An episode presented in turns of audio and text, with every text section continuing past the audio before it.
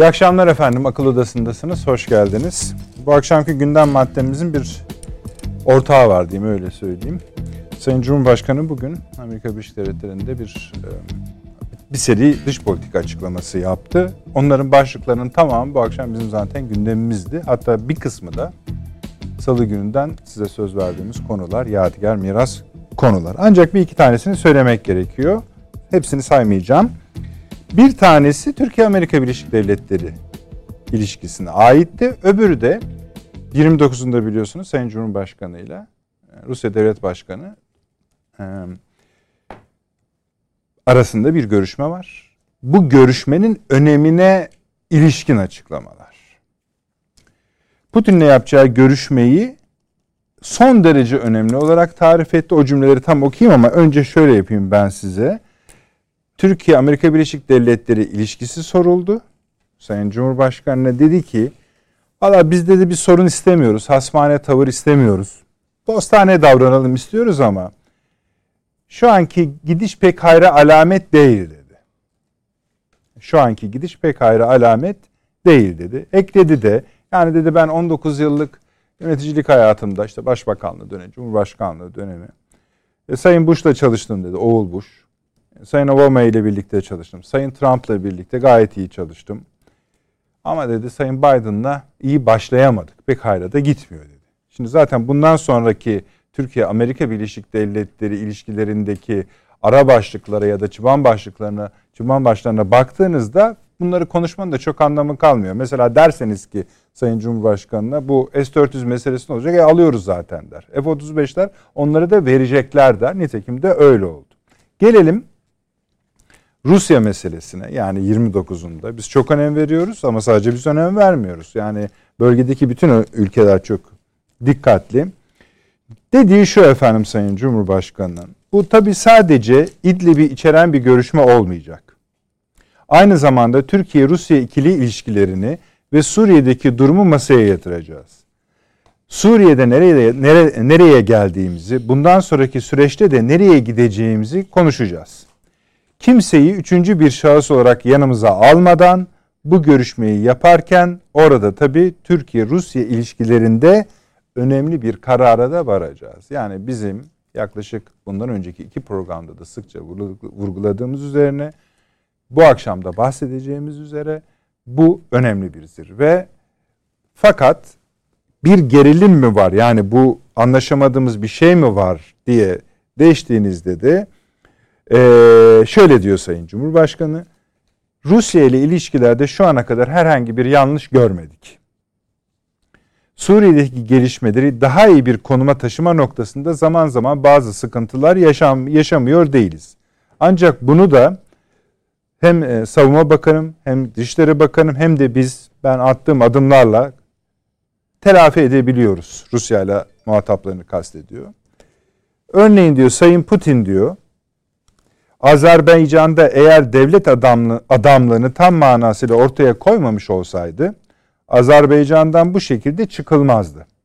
Ama bunu ortaya isabetli kararlarla koyduğu için Azerbaycan Azerbaycan'dan çok çok olumlu bir şekilde çıkma şansını yakaladık değerlendirmesinde bulunuyor Sayın Cumhurbaşkanı. Şimdi bu iki kalemgim. Yani bir Türkiye-Amerikan ilişkilerinde intiba neydi bilmiyorum yine danışırız büyüklerimiz. Hani zaten kötü başlamıştı. Yani başkan olmadan Biden kötü başlamış. İşte muhalefetle ilişki kuracağız vesaire. Bu bunlar duramaz burada mealinde konuşmalar yapmışlardı. Sonra biliyorsunuz işte hani esneme iyileşme demeyelim de kimse kimseye çarpmadı yolda yürürken öyle söyleyelim. Fakat bugün bu açıklamalardan anlıyoruz ki hala iyi gitmiyor. Anlaşamayacağımız noktaları saysak zaten programın süresi yetmez. Bunları çok konuştuk sizlerle. Rusya konusunda da bir hani tehlikeli tartışma noktasına kırmızı çizgiye doğru ilerliyoruz e, algısı var. Öyle mi değil mi? Buna bakarsak da o kadar ümitsizlik yok yani Suriye dahil. Onu da konuşacağız. Şimdi bunlarla başlayacağız ama e, sadece bugün Perşembe işte Almanya'da yeni anketler yayınlandı. Oradaki durumun nasıl olacağını kestirmeye gayret edeceğiz bu akşam. Biraz şartlarına bakacağız.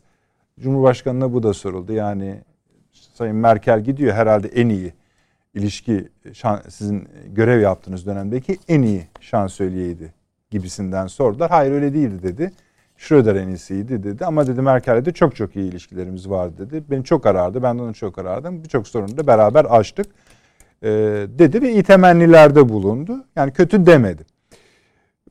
Ama Almanya'da ne olacağını işte biz işliyoruz. Bizim için çok önemli. Hani ona göre durum alınacak bir şey yok. Kim gelirse gelsin onun tarif edilmesi gerekiyor.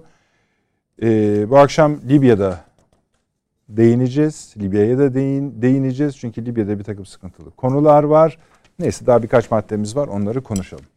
Sayın Avni Özgüler hoş geldiniz. Yeni Bilgi Gazetesi yazarı.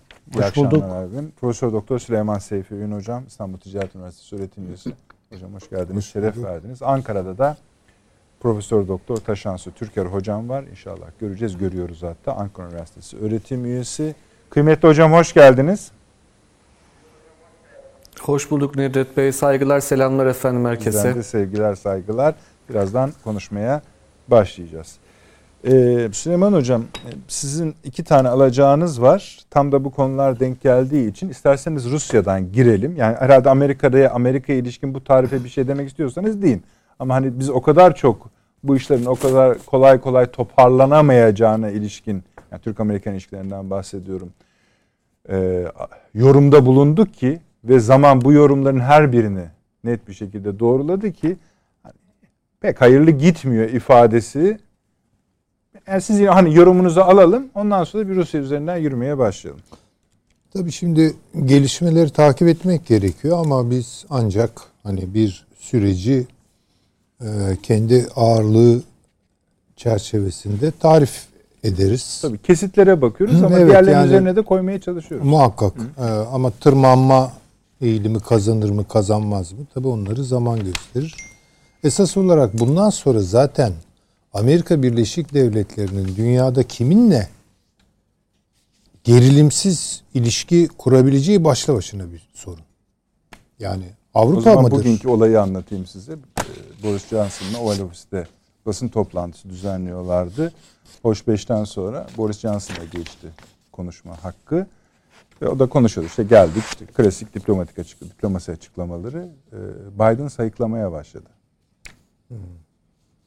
Bir anda hemen Oval Ofis'i boşalttılar çünkü basın mensupları da içerideydi. Bu sırada tabii o gazetecilerden biri fırsatın istifade sert bir soru da sordu. Bu sefer iyice hızlıca boşalttılar. Dağıldı yani. Dağıldılar yani evet. efendime söyleyeyim. Tabii o evet. Biden'ın biraz kişisel durumuyla alakalı ama Hı-hı. şöyle koyalım yani Avrupa Birliği ile şu an ilişkileri çok mu iyi? Amerika ha, Birleşik Devletleri'nin. Yani Fransa'yı dinleyecek olursak yani bir vur e, bir dokun bin ah işit derler ya vaziyet öyle. Almanya'dan şikayetler geliyor.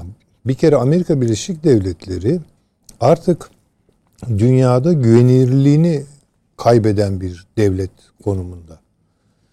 Ee, Avrupa güvenmiyor Amerika Birleşik Devletleri'ne. Yani bu sadece Biden'la ilgili bir şey de değil. Hakikaten bu epeydir. Kaç başkan eskitti. Yani şöyle söyleyebilirim. Belki Bill Clinton'dan bu yana inişli çıkışlı çok süreç var. Ee, Asya'da... Bill Clinton'ı muaf tuttunuz yani öyle mi? Yani Bill Clinton döneminde biraz daha hani belki... işte deprem... Evet falan. bir, bir şey vardı. Yani Avrupa'yı kastederek söyledim. Yani Avrupa Amerika Birleşik Devletleri ilişkileri nispeten bir ne diyeyim yani stabil e, istikrarlıydı ama işte Obama ardından efendim söyleyeyim Trump'ı, Biden'ı falan böyle geliyor yani bir dalga geliyor. Ee, Asya'daki partnerler işte bilmem Afganistan'da en son gördük. Ee, kendisine yakın rejimi terk edip gidiyor. Yani. İnişli çıkışlı ve çok da istikrar içermeyen. Çünkü devletlerin kredisi sağladığı istikrarla değil mi? Ee, büyük ölçüde ölçülür. Amerika'nın bu açıdan karnesi gittikçe kötüleşiyor. En son konumlandıkları daha doğrusu konuşlandır, konuşlandıkları yer e, okyanus bölgesi oldu. Yani Okyanusya e, Pasifik e, pardon bölgesi oldu. İşte orada da zaten İngiltere'nin Öyle de hazır kıtaları itibariyle işte Avustralya. Orada bile yani işte Yeni Zelanda'dan tuhaf sesler çıkıyor. O da dışarıda kaldığı için. İşte dışarıda kaldığı için yani. kalmadı Neyse yani çok böyle şimdi bu genel fotoğrafa bakınca e, nerede tutunabilir? Latin Amerika'da sicili son derece kötü. Afrika'da aynı şekilde. Avrupa ki artık onun can damarlarından biriydi. Orada problemler var. Amerika Avrupa Birliği ilişkileri üzerinden var. filan. Rusya'yı zaten beklemiyorsunuz. Baktığınız zaman yani ayağına nerede yer edecek yani? Hep gerilimli ilişkileri var. Aslında ben Biden döneminin ilk dört yılının tamam diye bakıyorum. Yani süresini doldurmuş gibi neredeyse. E yani Yani, evet. bu- yani bunu Evet.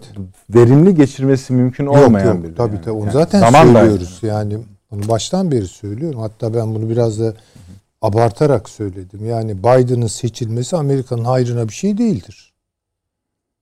Yani hatta Biden'a oy verenler çok Amerika'ya oy vermediler. Yani bir, bir de böyle koymaya çalıştım. Ee, bunu bence hızlandıran bir şey. Ee, bu tablo. Dolayısıyla böyle bir resim içinde Türkiye ile Amerika Birleşik Devletleri arasındaki ilişkilerin düzelmesini, istikrar kazanmasını, karşılıklı güven boyutu kazanmasını falan zaten beklemiyorum. Bütün mesele böyle dramatik tırmanmalar olur mu olmaz mı? Bir şeyin düzeleceğini zaten beklemiyorum. Ama dramatik bir tırmanış, gerilimin artması, dozu vesaire gibi şeyler bunlar tabii biraz da istihbar edilen bazı şeyler üzerine Sayın Cumhurbaşkanı muhtemelen bunları söylüyor. Bunları biz bilemeyiz yani. Ee, Ama benim öngördüğüm e, Biden'ın e, veya Biden rejiminin e, ne diyelim veya ekiplerinin en azından şimdilik çok fazla Türkiye'nin üzerine Evet. gelmeyecekleri yolunda. Onu, onu hissedebiliyoruz. Evet. Yani en azından şunu yapıyor herhalde Amerikan siyasi aklı. Bu tabloyu görür görmüyorlar mı? Yani mesela ne duyuyoruz biz? Amerika'nın dünyadaki sempatisinin ölçümleri falan var değil mi? Hiçbir yerde Amerika yani böyle istediği ölçülerde bir nasıl söyleyeyim sempati falan sağlamış değil. Kazanmış değil. Bu bence 2001'den başlayan bir süreç geldi. Devam ediyor. Ee, tırmanır mı Türkiye Amerika Birleşik Devletleri ilişkileri? Olabilir yani. İşte dedim istihbar edilen şeylere bağlı o. Bunu da en iyi herhalde Sayın Cumhurbaşkanı bilecektir bizlerden. Çok daha ayrıntısıyla. Yani bu ifade gelişen bir rahatsızlık sürecine mi önümüzdeki iş, işareti değil işte yani yoksa istihbar edilen şeyler. anladım yani ben sizi. Hani, Ee, Ama bir, bir- de bir de çünkü Amerika'da şu an artık açığa çıkan şeylerin arkasında ne var? Bunda da bir rasyonel yakalamak her zaman kolay değil. Yani birden e, belki Amerika'nın bütün hesaplarını dahi bozguna uğratacak bir hesapsızlık üzerinden bir açıklama yapılabiliyor veya bir karar alınabiliyor. Öyle. Çünkü Amerikan karar alma süreçlerinde çok ilginç e, ne diyelim ona kireçlenmeler, Evet. e, kısa devreler filan e, mevcut. Ya şimdi bu Amerika için bile olamaz diyemeyeceğimiz şeyler çıkabiliyor ortaya. Açıklamalar mesela- çıkabiliyor. Sayın Cumhurbaşkanı bu açıklamaları yaparken Washington'da da Sayın e, Kalın ile Sayın yani Sullivan'ın yani ki ulusal güvenlik danışmanı diyelim. Evet. Kendi, yani görüşmeleri vardı. Resmi açıklamaya bakarsanız tek tek söylüyor Irak, Suriye, Afganistan vesaire konuşuldu ama hani çok resmi bir açıklama. Hiç renk vermeyen bir şey. E tabii. vermez Ama işte o rengi belki işte burada görüyoruz İşte gibi. tabii yani belki o biraz e, bunu ifade ediyor. Ama benim gördüğüm kadarıyla böyle e, dönemsel bir takım e, alevlenmeler olabilir bu işin içerisinde. Bir kere düz- düzeleceğini kimse beklemesin. Tabii Yani onu da düzelmesi bir şekilde mümkün olur. Valla ben seyircileri de çok uğraştırmak istemiyorum. Yani böyle her zaman bu kadar net konuşma yalnız değilim ama Türkiye'yi istedikleri gibi parçalarlar. O zaman işte Nasrettin Hoca'nın kuşu misali ellerinde kalan kuş iyi bir Türkiye olur onlar için. Yani bu da tabii kabul edilebilir bir şey olmaktan çok uzak. Onu bile beğenmeyebilirler üstelik çünkü yani Bu da buradan da bu mu çıktı diye. Ya yani biraz daha bu şurayı düzeltelim falan da diyebilirler. Ya bu da olmayacağına göre zaten böyle bir şey ben ummuyorum. Yani benim için Türkiye Cumhuriyeti Devleti'nin ve milletimizin e, yararını olarak gördüğüm şey en azından bunlar tırmanmasın isterim tabii ki. Biraz da bunu böyle olacağını. Yani şöyle bile demiyor Sayın Cumhurbaşkanı. Hani iki müttefik yani temennim odur ki iki müttefik yani ne bileyim iki es, eski dost olarak vesaire iki NATO ülkesi olarak birbirimize hasmane değil dostane davranalım. Yani NATO varsa var yani artık temasımız yoksa yok gibi bir şey. Yani. E tabi yani bulaşmasak. Yani herkes tabi öyle sizin dediğinize geliyor. Yani Amerika bu sırada. Bence oraya da gidiyor yani evet. reel olarak süreç. Yani akut bir takım şeyleri e, hesaba katmazsak onların da çok büyüyeceğini ben zannetmiyorum. Yani e, Amerika Birleşik Devletleri çekiliyor bunun adını koydular zaten. Çekilirken de tabi bıraktığınız yerlerle ilgili olarak e, davalaşmalar, itişikler, kakışlar falan bunları mümkün mertebe geri çekiyorsunuz demektir yani. Beklenen o. Ee, benim bu programların işte çerçevesi içerisinde ortaya koyduğum e, bir modelleme diyelim kabaca. Ee, o çerçevede baktığım zaman e, yeni bir akıl yönet yeni bir akıl çıktı ortaya. Bunu söylüyorum ben yani ısrarla da söylüyorum. Bu e, tarih ve coğrafya yönünden çok daha zengin olan tecrübesi. Hem tarihsel boyutta hem coğrafi karşılıklarıyla Birleşik Krallık'tır. Yani bu akıl şimdi buralarda daha baskın. Yani Amerika'ya bırakmayacaklar artık işleri. Çünkü Amerika Birleşik Devletleri tabii ki pazusunu gösterecek, donanması dolaşacak, açıklamalar yapılabilir vesaire ama inisiyatif almadığını görüyoruz. Libya'da almıyor. Suriye'de ne aldığı belli değil. Bazılarında almıyor, bazılarında alamıyor diyebiliriz. Mesela işte Afganistan hakkında konuştuğu söyle açıklamaları var yine Sayın Cumhurbaşkanı. Yani bunun bedelini Amerika ödeyecekti. Biz ödeyecek değiliz diyor. Tabii. Ama maşallah hiç yerinden oynamıyor. Tabii işte dediğim gibi. Yani çekilmesi de çok problemli tabii işte. Avrupa'yı adeta böyle bir nasıl söyleyeyim sinir hastası insanlar vardır ya yani o noktaya getirdiler. Yani. Ee, bunun Peki. için hani ben çok fazla böyle bir şey beklemiyorum. Yok zaten yani dediğim başta benim de söyledim. Makulus bu konuda çok çok çok önceden Türk-Amerikan ilişkilerinin yani herkes işte Amerika Amerika derken bile bunları söylediğiniz için biraz müsteriyiz. Çünkü sadece çek ediliyor. E tabii ya. Şimdi mesela Suriye'ye yeni birlik sevk etmiş. Bunu bile ciddiye almıyorum. Hı. Ne yapacak yani? Aslında onu orada bir problem gözüküyor. Hayır, gözüküyor gözükmesine Hı. de yani şimdi Rusya ile mi savaşacak orada? yani anlamıyorum ki. Ne ne ne? Yani ben varım demek Şöyle için. diyor. Evet. evet şu anda Taliban'ın elinde bunu da ayrıca not etmemiz gerekiyor bence. Diyor ki Sayın Cumhurbaşkanı şu anda Taliban'ın elindeki silahlara baktığınız zaman bu silahlar Amerika'nın silahları. Dolayısıyla bu bedeli de ödemek durumunda kalacaktır Amerika diyor. Buradan bir yere daha geliyorum. Sayın Trump döneminde binlerce tır silah mühimmat terör örgütüne verildi. Bunları ben Sayın Trump'a defalarca ifade ettim. Şimdi aynı durum Biden döneminde de var. Yine Biden terör örgütlerine silah, mühimmat, araç, gereç taşımaya başladı. Birleşik Devletler Başkanı'nı özne yaparak söylüyor. ABD demiyor. Biden taşımaya başladı. Biz bunu elimizi kolumuzu sallaya sallaya seyredecek değiliz. Dikkatle takip ediyoruz. Vakti saati geldiğinde de vesaire vesaire. Ama şu da var. Hı-hı. Onu da isterseniz. Bu konuşma Amerika'da yapılıyor. Bu konuşmanın hedeflediği Biden ve ekipleri ama bu konuşmanın bir başka adresi daha var. Bu Putin'e gidiyor. Tabii. Yani, yani Putin'e de şunu söylüyor. Çok doğru söylüyorsunuz. Yani ben ben böyle geliyorum yani. Böyle hani Amerika'nın karşısında yeniden hizaya gelmiş fabrika ayarlarına dönmüş bir Türkiye'nin lideri değilim. Ben ben burada da işte bak konuşuyorum. Yarın senle de gene aynı şekilde konuşacağım. Eyvallah. Doğru. Biraz onu pozisyonunu güçlendirmeye dönük bir açılım olduğunda düşünüyorum. Evet. Bu. Peki Rusya'ya geçeceğiz biraz sonra. Ani abiden de alalım bu e, Sayın Cumhurbaşkanı açıklamaları üzerine görüşlerini. Yani Amerika Birleşik Devletleri ile ilgili olarak uzun zamandan beri ilk defa böyle çok köşeli cümleler işittik.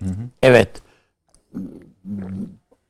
Yo, doğru takım- söylüyorsunuz. Yani Biden geldikten sonra daha yumuşaktı Türkiye. Evet. Yani e, burada e, e, o bir uzlaşı kapısını daima açık tutan bir üslup vardı. Ama fevkalade köşeli ifadeler bunlar. E, bu herhalde Amerika'dan aldığı izlenimler Sayın Cumhurbaşkanımızın e, birincisi bunun çok ciddi etkisi var. İkincisi e, NATO'dan beklediği veya ittifak ilişkilerinden yani sadece Amerika'dan değil yani bütün o zincirden beklediği şeyi yaklaşımı özellikle Orta Doğu'da Suriye'de diyelim e, bulamamış olmanın verdiği bir hayal kırıklığı da var orada. Bana göre hepsinin yani ifadesidir diye düşünüyorum ben. E, ve Türkiye'nin e, bazı noktalarda bir karar aşamasına geldiğinin ifadesi var. Yani Putin'le oturacağız ve bir karara varacağız Evet diyor. Şimdi o Putin'le oturacağız, karara varacağız. Ondan önce Amerika'dan bir takım işaretler almayı bekliyor idi. Muhtemelen Sayın Cumhurbaşkanı. O işaretlerin hiçbirisi yok. Şu anda. Evet. Yani e, ha sadece Türkiye'ye mahsus bir şey mi? Hayır belki de bütün dünyaya mahsus. Hani ne haliniz varsa görün diyen bir Amerika var. Ben yokum, oynamıyorum. Ne haliniz varsa görün diyen. İşte daha öncekiler böyle değildi. İşte ne bileyim Clinton işte burnumuzu tuttuydu. Bilmem neydi, şuydu, buydu filan. Bir şey. Diyor ki Sayın Cumhurbaşkanı. Tabii kendisi yani Biden ya da Amerika benden sonra tufan dediyse aynı şeyi ona da söylerler. Ha tabii işte yani, Yani- bütün bunlar var. Yani Afganistan üzerinde Yani gördüğü- bir şey bu ama. Yani, e, gördüğü bütün tabloyu anlatıyor. Ama burada tabii e, ayın 29'unda göreceğimiz e, fo- fotoğrafın da bazı ön şeyleri var. işaretleri var. Yani Putin karşısında nasıl bir Türkiye olacak? E şimdi düşünün e, beklenen bu Kırım konusunda fazla sert bir açıklama yapan bir Türkiye beklenmiyordu Rusya tarafından. Çok doğru söylediniz. Söyledi ama ve Ruslar da dediler ki biliyorsunuz Tabii. üzüldük dediler. Evet, Dimitri Peskov da var bu veyahut da o Zaharova değil mi sözcüsü? Evet. Orada da o da söyledi. Yani e, ama çok net ifadeler yani e, adamlar da diyorlar ki kardeşim işte e, Kırım'ın Rusya'yı tercih etmesi yüzde 92 oyla yani referandum diye ya Türkiye buna bunu bir komedi gibi gördüğünü ya ifade ediyor. Yani bütün dünya evet o yüzde 92 sen bize anlatma yani ne olduğunu Seçimlerde biliyoruz. %90'lar zaten aslında Tehlikelidir. Evet yani tehlikelidir. kötü Hayırlı rakamlar değildir. Evet doğru. O, o da onun gibi. Ama bütün bunları yaparken şimdi Amerika'nın Amerika'da biz ne kadar kızsak işte bu Patriotlar dahil bak hala Türkiye'ye al, al şu Patriotları falan filan demiyor yani. Yani Türkiye talip olduğu halde şu anda demiyor. Bizim şu anda İdlib'de e, bu MiG-29'lar vuruyor. Hem Türk Silahlı Kuvvetleri personelini hem de oradaki e, Yapıları. yapıları yani sivil unsurları E, ve bunun devam da edeceğine ilişkin işaretler var. Çünkü o Halep'in hemen kuzey yakınlarından e, Suriye birlikleri diyelim ona. Halbuki işte bunun içinde İran'a yakın Haçlı Şabiler falan da var. Cümbür cemaat bunlar İdlib'e doğru kayıyorlar. Ve çok e, önemli bir takım silah ve donanımlarla yani bu Amerika'nın verdiği silahlar da dahil. Hepsiyle İdlib'e doğru gelen bir dalga var. Burada Sayın Cumhurbaşkanı'nın Türkiye'den giderken söylediği ikinci bir e, mülteci e, e, dal, mülteci sığınmacı dalgasını na Türkiye'nin tahammülü yoktur. Evet, katlanmayacak. Dedi. Yani katlanmayacak. Peki oradaki 5 milyon insanı vurmaya kalktığı vakit Rusya ne yapacağız? Ve muhtemelen bunu Amerika'da anlattı. Bizim Dışişleri Bakan Yardımcımız falan Cumhurbaşkanımızdan önce gittiler yani. İşte dediğim Bunu gibi Sayın tabloları anlattılar yani. ve karşılarında bir umursamazlık. Yani hayırlısı olsun falan gibi böyle abuk subuk cevaplar yani. Aldıklarını düşünüyorum. Yani tabi bu Türkçesi böyle değil tabii. Gayet tabii. Söyle- seyircilerimiz böyle anlıyor. değildir. Efendim buna çok üzgünüz. Yani elimizden gelen ne varsa yani. Yaparız falan. gibi. Onlar dahildir ama Bir kahve verelim ama deyip, sonuç itibariyle hayır. İdlib'i gözden çıkarmasını istiyorlar Türkiye'nin. Ve muhtemeldir ki 29'unda Cumhurbaşkanımızın önüne getirilecek olan da bu. Yani işte e, Elbap'la filan Afrin'le filan yetinin. Bu. Yani ben öyle diye düşünüyorum. Yo, yo, Bunun ya hazırlığını işaretler- Putin'in yaptığı kanaatindeyim. Öyle. Yani bir de hani okudum ya demin hani hiç kimse katılmayacak. Uzun Evet. olacak. Ruslar dediler çok kapsamlı olacak. Bu bayağı bir şey. Ve Türkiye Rusya Üçüncü ilişkilerini birileri de katılmayacak Evet. diyen Cumhurbaşkanımız. Evet. Yani İran'ı katmaya kalkmayın burada ya. Evet. Veya emrivaki olarak yanımıza Suriye'yi getirmeyin. Demek istiyorlar. Evet. Tabii. ve tabii şey orada e, bir daha bakayım. Yani Türkiye Rusya ilişkilerinde önemli bir karara da Evet. varacağız diyor. Peki. Süleyman Hocam gideceğim şimdi Taşan'a soracağım ama Avni Bey şöyle bir cümle kurdu ya. Rusya'ya giderken ABD'den işaretler bekleniyordu ve hatta şöyle de yorumladı. Demek ki o işaretler Gelmedi. gelmedi dedi. E, Siz aldınız mı işaret? ben pek doğrusu öyle bir işaret beklemedim. Sayın Cumhurbaşkanı da bu konuda bir vurgu yapıyorsa bu biraz da sitem dairesinde bir şeydir. Yani Amerika'nın ihmallerini yüzüne vuracak olan bir değerlendirmedir. Yoksa böyle bir beklentiyle oraya gitmiş olduğu kanaatinde değilim. Ha. Yani Ama bizim NATO hakkındaki e, değerlendirmelerimizin dediğim gibi istihbarat kaynakları üzerinden 10 katını muhakkak ki Yani muhakkak.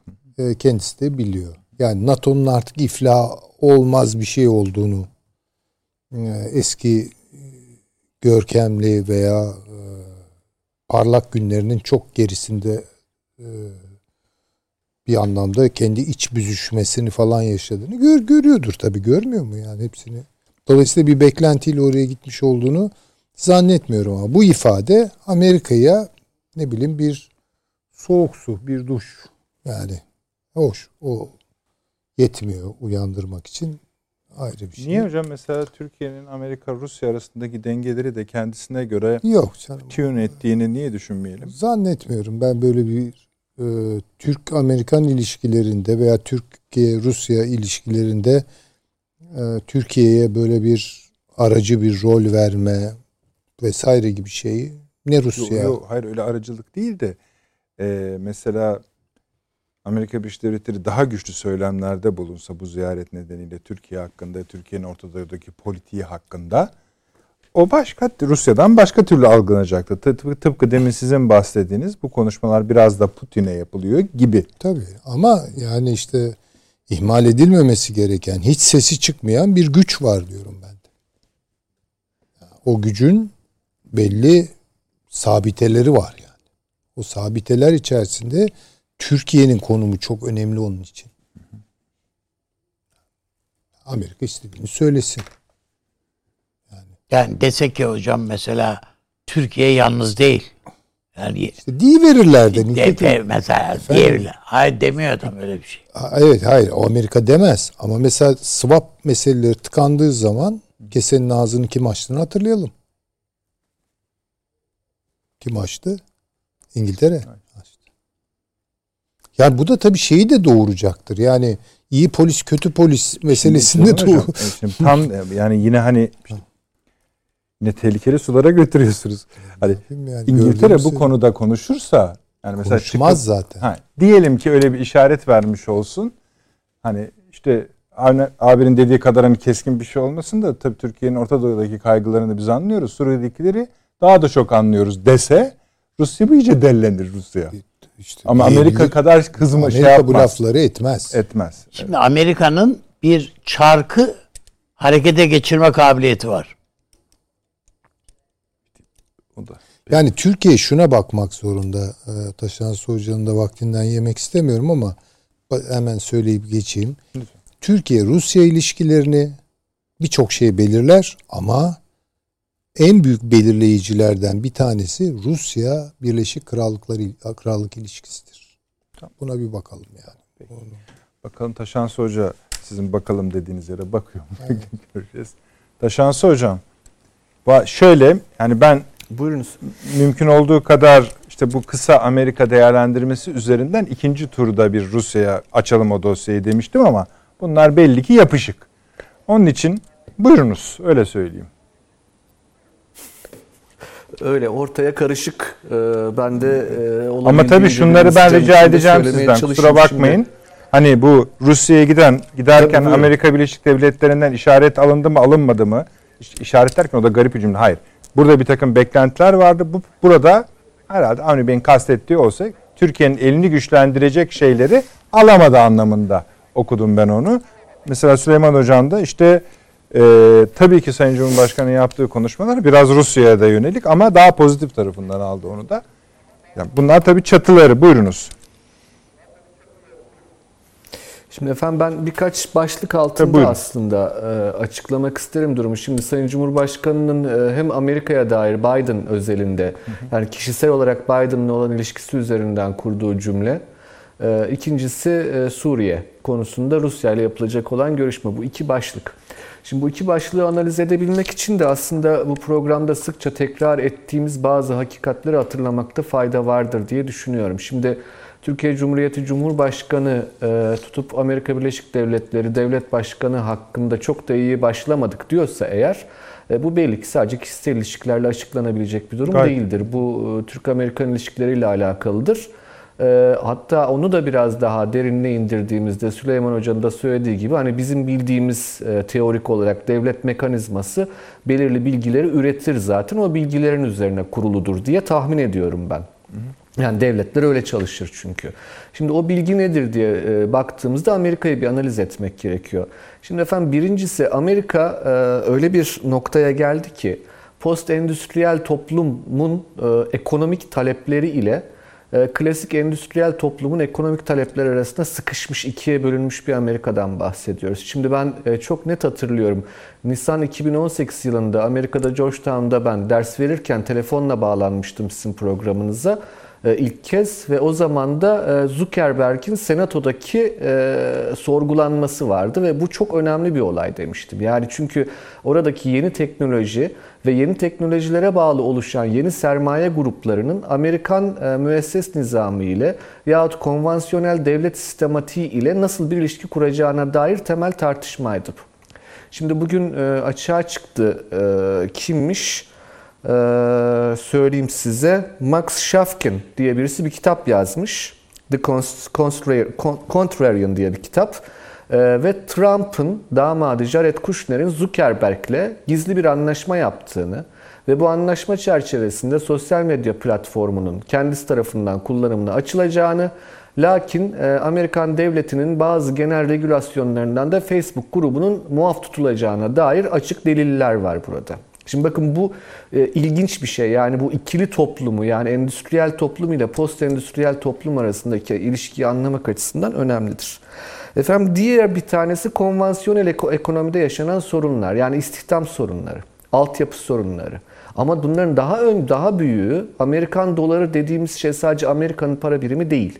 Dünyayı ilgilendiren bir para birimi ve burada e, Yellen'in geçen hafta yapmış olduğu açıklama çok evet. önemlidir. Borçlanma limitlerinin artırılması gerekiyor. Aksi takdirde Amerikan devleti iflas etmek üzere. Bakın bu bu çok e, ciddi şeyler bunlar. Yani 29 buhranını anımsatan e, ekonomik dinamiklerdir bunlar ama bu Taşansı mali hocam. E, ve finansal dinamiklerin altında buyurun. Şöyle diyor.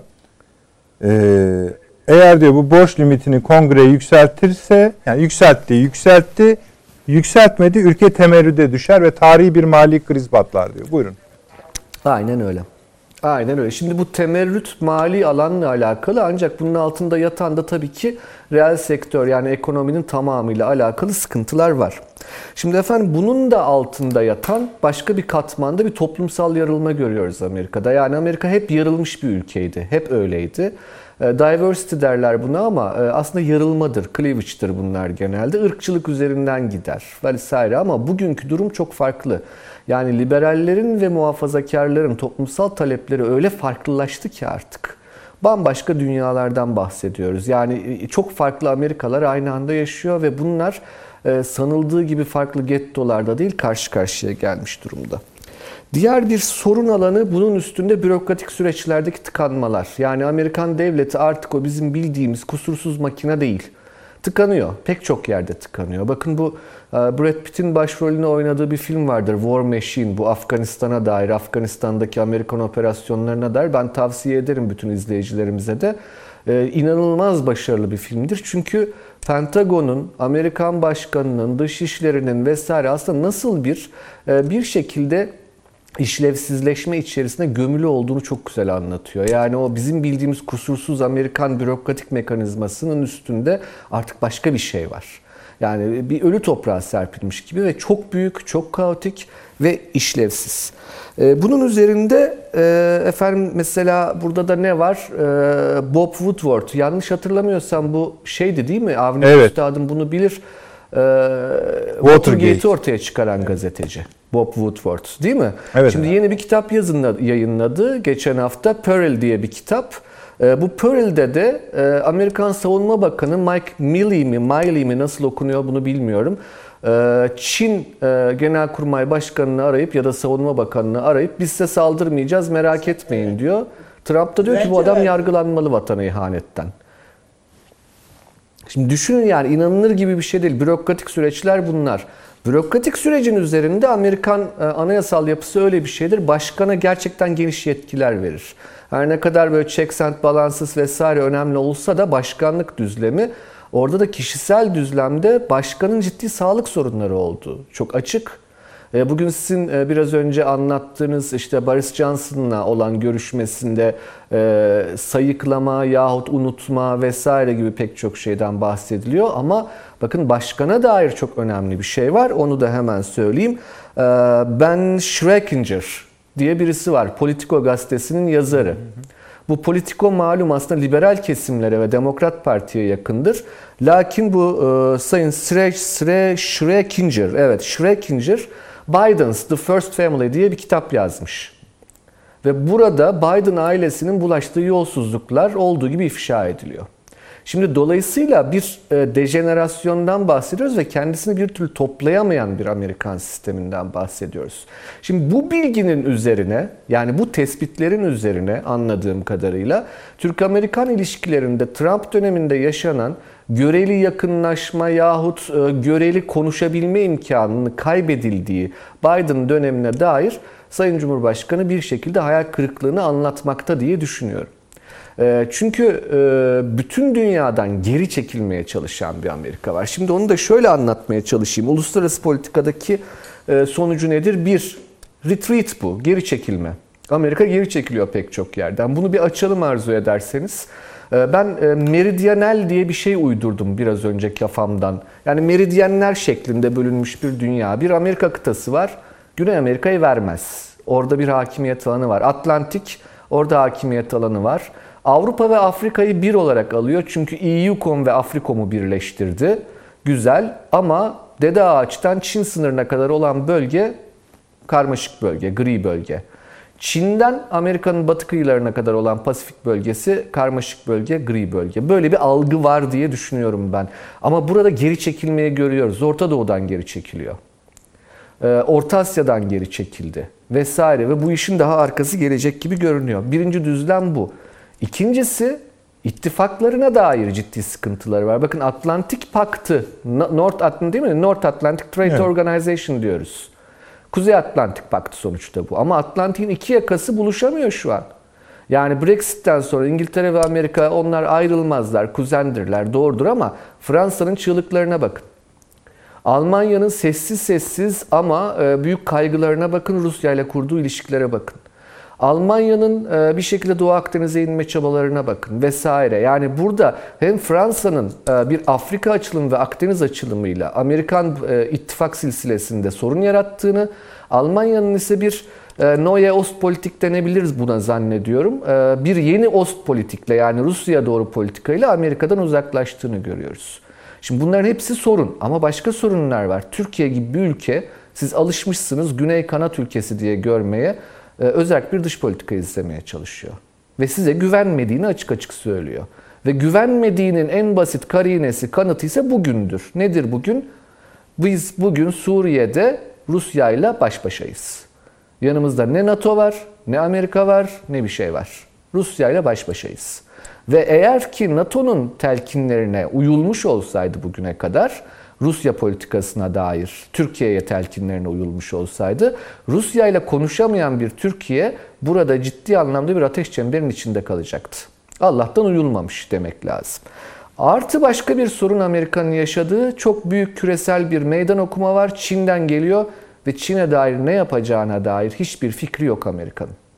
Yani ne askeri anlamda ne ekonomik anlamda hazırlıksızlar bu çok belli. Yani o soğuk savaş dönemindeki Sovyetlere karşı politika üreten, aydınları olan, doktrinler üreten Amerika'yı göremiyoruz bugün. Çin'e dair ne yapacaklarını bilemiyorlar. İşte bu tespitlerdir ki Biden hakkında bu kadar net konuşmaya e, Sayın Cumhurbaşkanı'nı itmiştir diye düşünüyorum. Artı bunun yanında başka bir şey, e, acaba Biden yakın dönemde görevi devreder mi düşüncesi de belki vardır. Artı başka bir şey, Rusya ile konuşmaya giderken de e, bunun vereceği bir motivasyon olabilir. Stüdyoda da söylendiği gibi olabilir.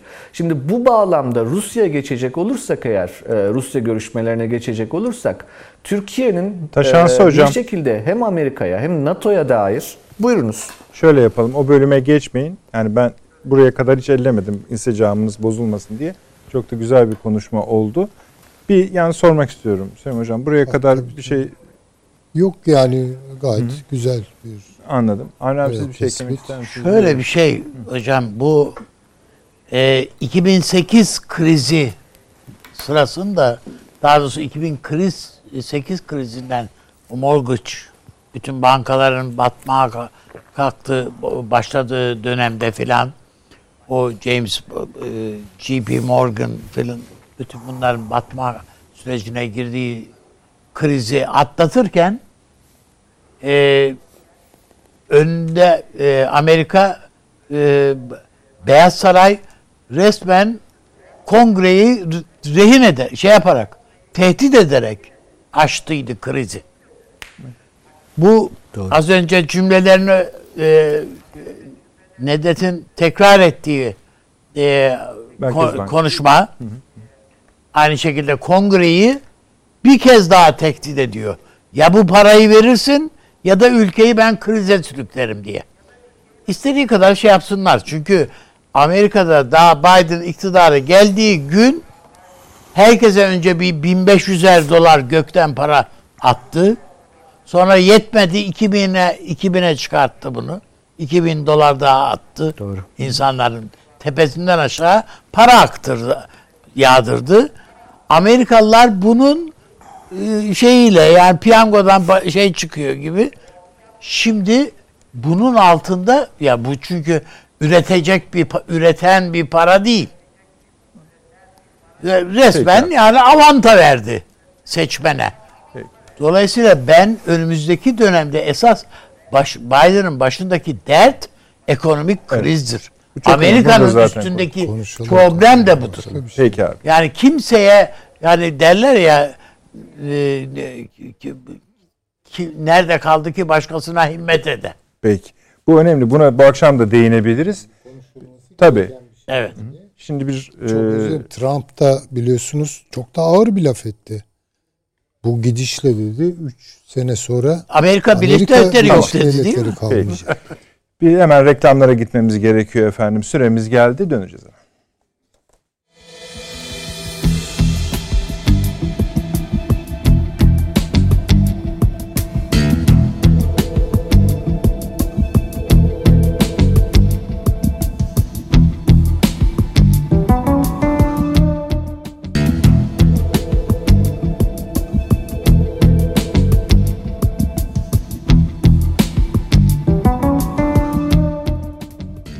Devam ediyor efendim. Birleşmiş Milletler Gıda Sistemleri Zirvesi nedeniyle Sayın Cumhurbaşkanı'nın yaptığı konuşmada reklamlara eklendi. Biz de döndük. Ee, Taşansı Türkiye Hocam'ın analizinin, yorumunun öyle söyleyelim artık birinci bölümü bitmişti. Fakat oradan tabii bir ekonomi, Amerika'nın yaşadığı ekonomik krizin hani pratikteki karşılığı nedir diye çok acil bir durumun olduğunu tespit ettik ve onun içinde bir parantez açmaya söz verip şimdi yeniden tekrar Ankara'ya dönüyoruz. Hazır mı arkadaşlar Taşans hocamız? Güzel. Taşans hocam kaldığınız yeri hatırlatmama gerek var mı? Ee, Yo yo tabii Tamam, ki buyurun. hatırlıyorum. Ee, Bitirdiniz, bu Rusya- Amerika'nın e, Evet. içinde bulunduğu zaaflı durumu e, yani zaaflarını daha doğrusu e, birazcık izah etmeye çalışmıştım. Bu e, How I Met Your Mother diye bir sitcom dizisi vardır ya orada bir Evet. sıkıcı karakter vardır Ted diye. Onun bir alışkanlığı vardır. Consent pros der. Yani eksiler ve artıları bir görelim aynı defter üstünde diye. Şimdi eksileri gördük. Artılara da kısaca değinmekte fayda var. Şimdi evet Amerika bu zaafları yaşıyor fakat hala dünya askeri harcamalarının %48'ini Amerika gerçekleştiriyor tek başına. Şimdi bunu unutmamak gerekir. Bu birincisi. İkincisi hala e, dünyanın en büyük ekonomik gücü. E, Üçüncüsü bence çok çok önemli, çok dinamik bir nüfus yapısına sahip. Yani o toplumsal yapı doğru bir idare şekliyle e, üretken e, ve rekabetçi bir e, ekonomik sistemle yeniden bütünleşme imkanına sahip. Başka bir şey uluslararası anlamda bir kültürel hegemonya. Yani bu Hollywood dediğimiz şeyi asla ve kata küçümsememek gerekir. Ee, Bütün dünyada bir Amerika cazibesini bir şekilde yalan ya da doğru, gerçek ya da hayal ama ayakta tutabilen bir kültürel hegemonyayı da hala devam ettiriyor Amerika. Başka bir şey belli paternler, alışkanlıklar, soğuk savaştan gelen belli alışkanlıklar var Amerika ile ilişki kurmaya dair. Dolayısıyla bunlar da e, nesi olsun artıları olsun Amerika'nın ama çok ciddi bir kriz yaşadığı açık. İşte Sayın Cumhurbaşkanı'nın doğrudan Amerika Birleşik Devletleri Devlet Başkanı'yla iyi ilişkilerin sürdürülemediğine dair düşünceleri zannediyorum bu tespitler üzerine kuruludur.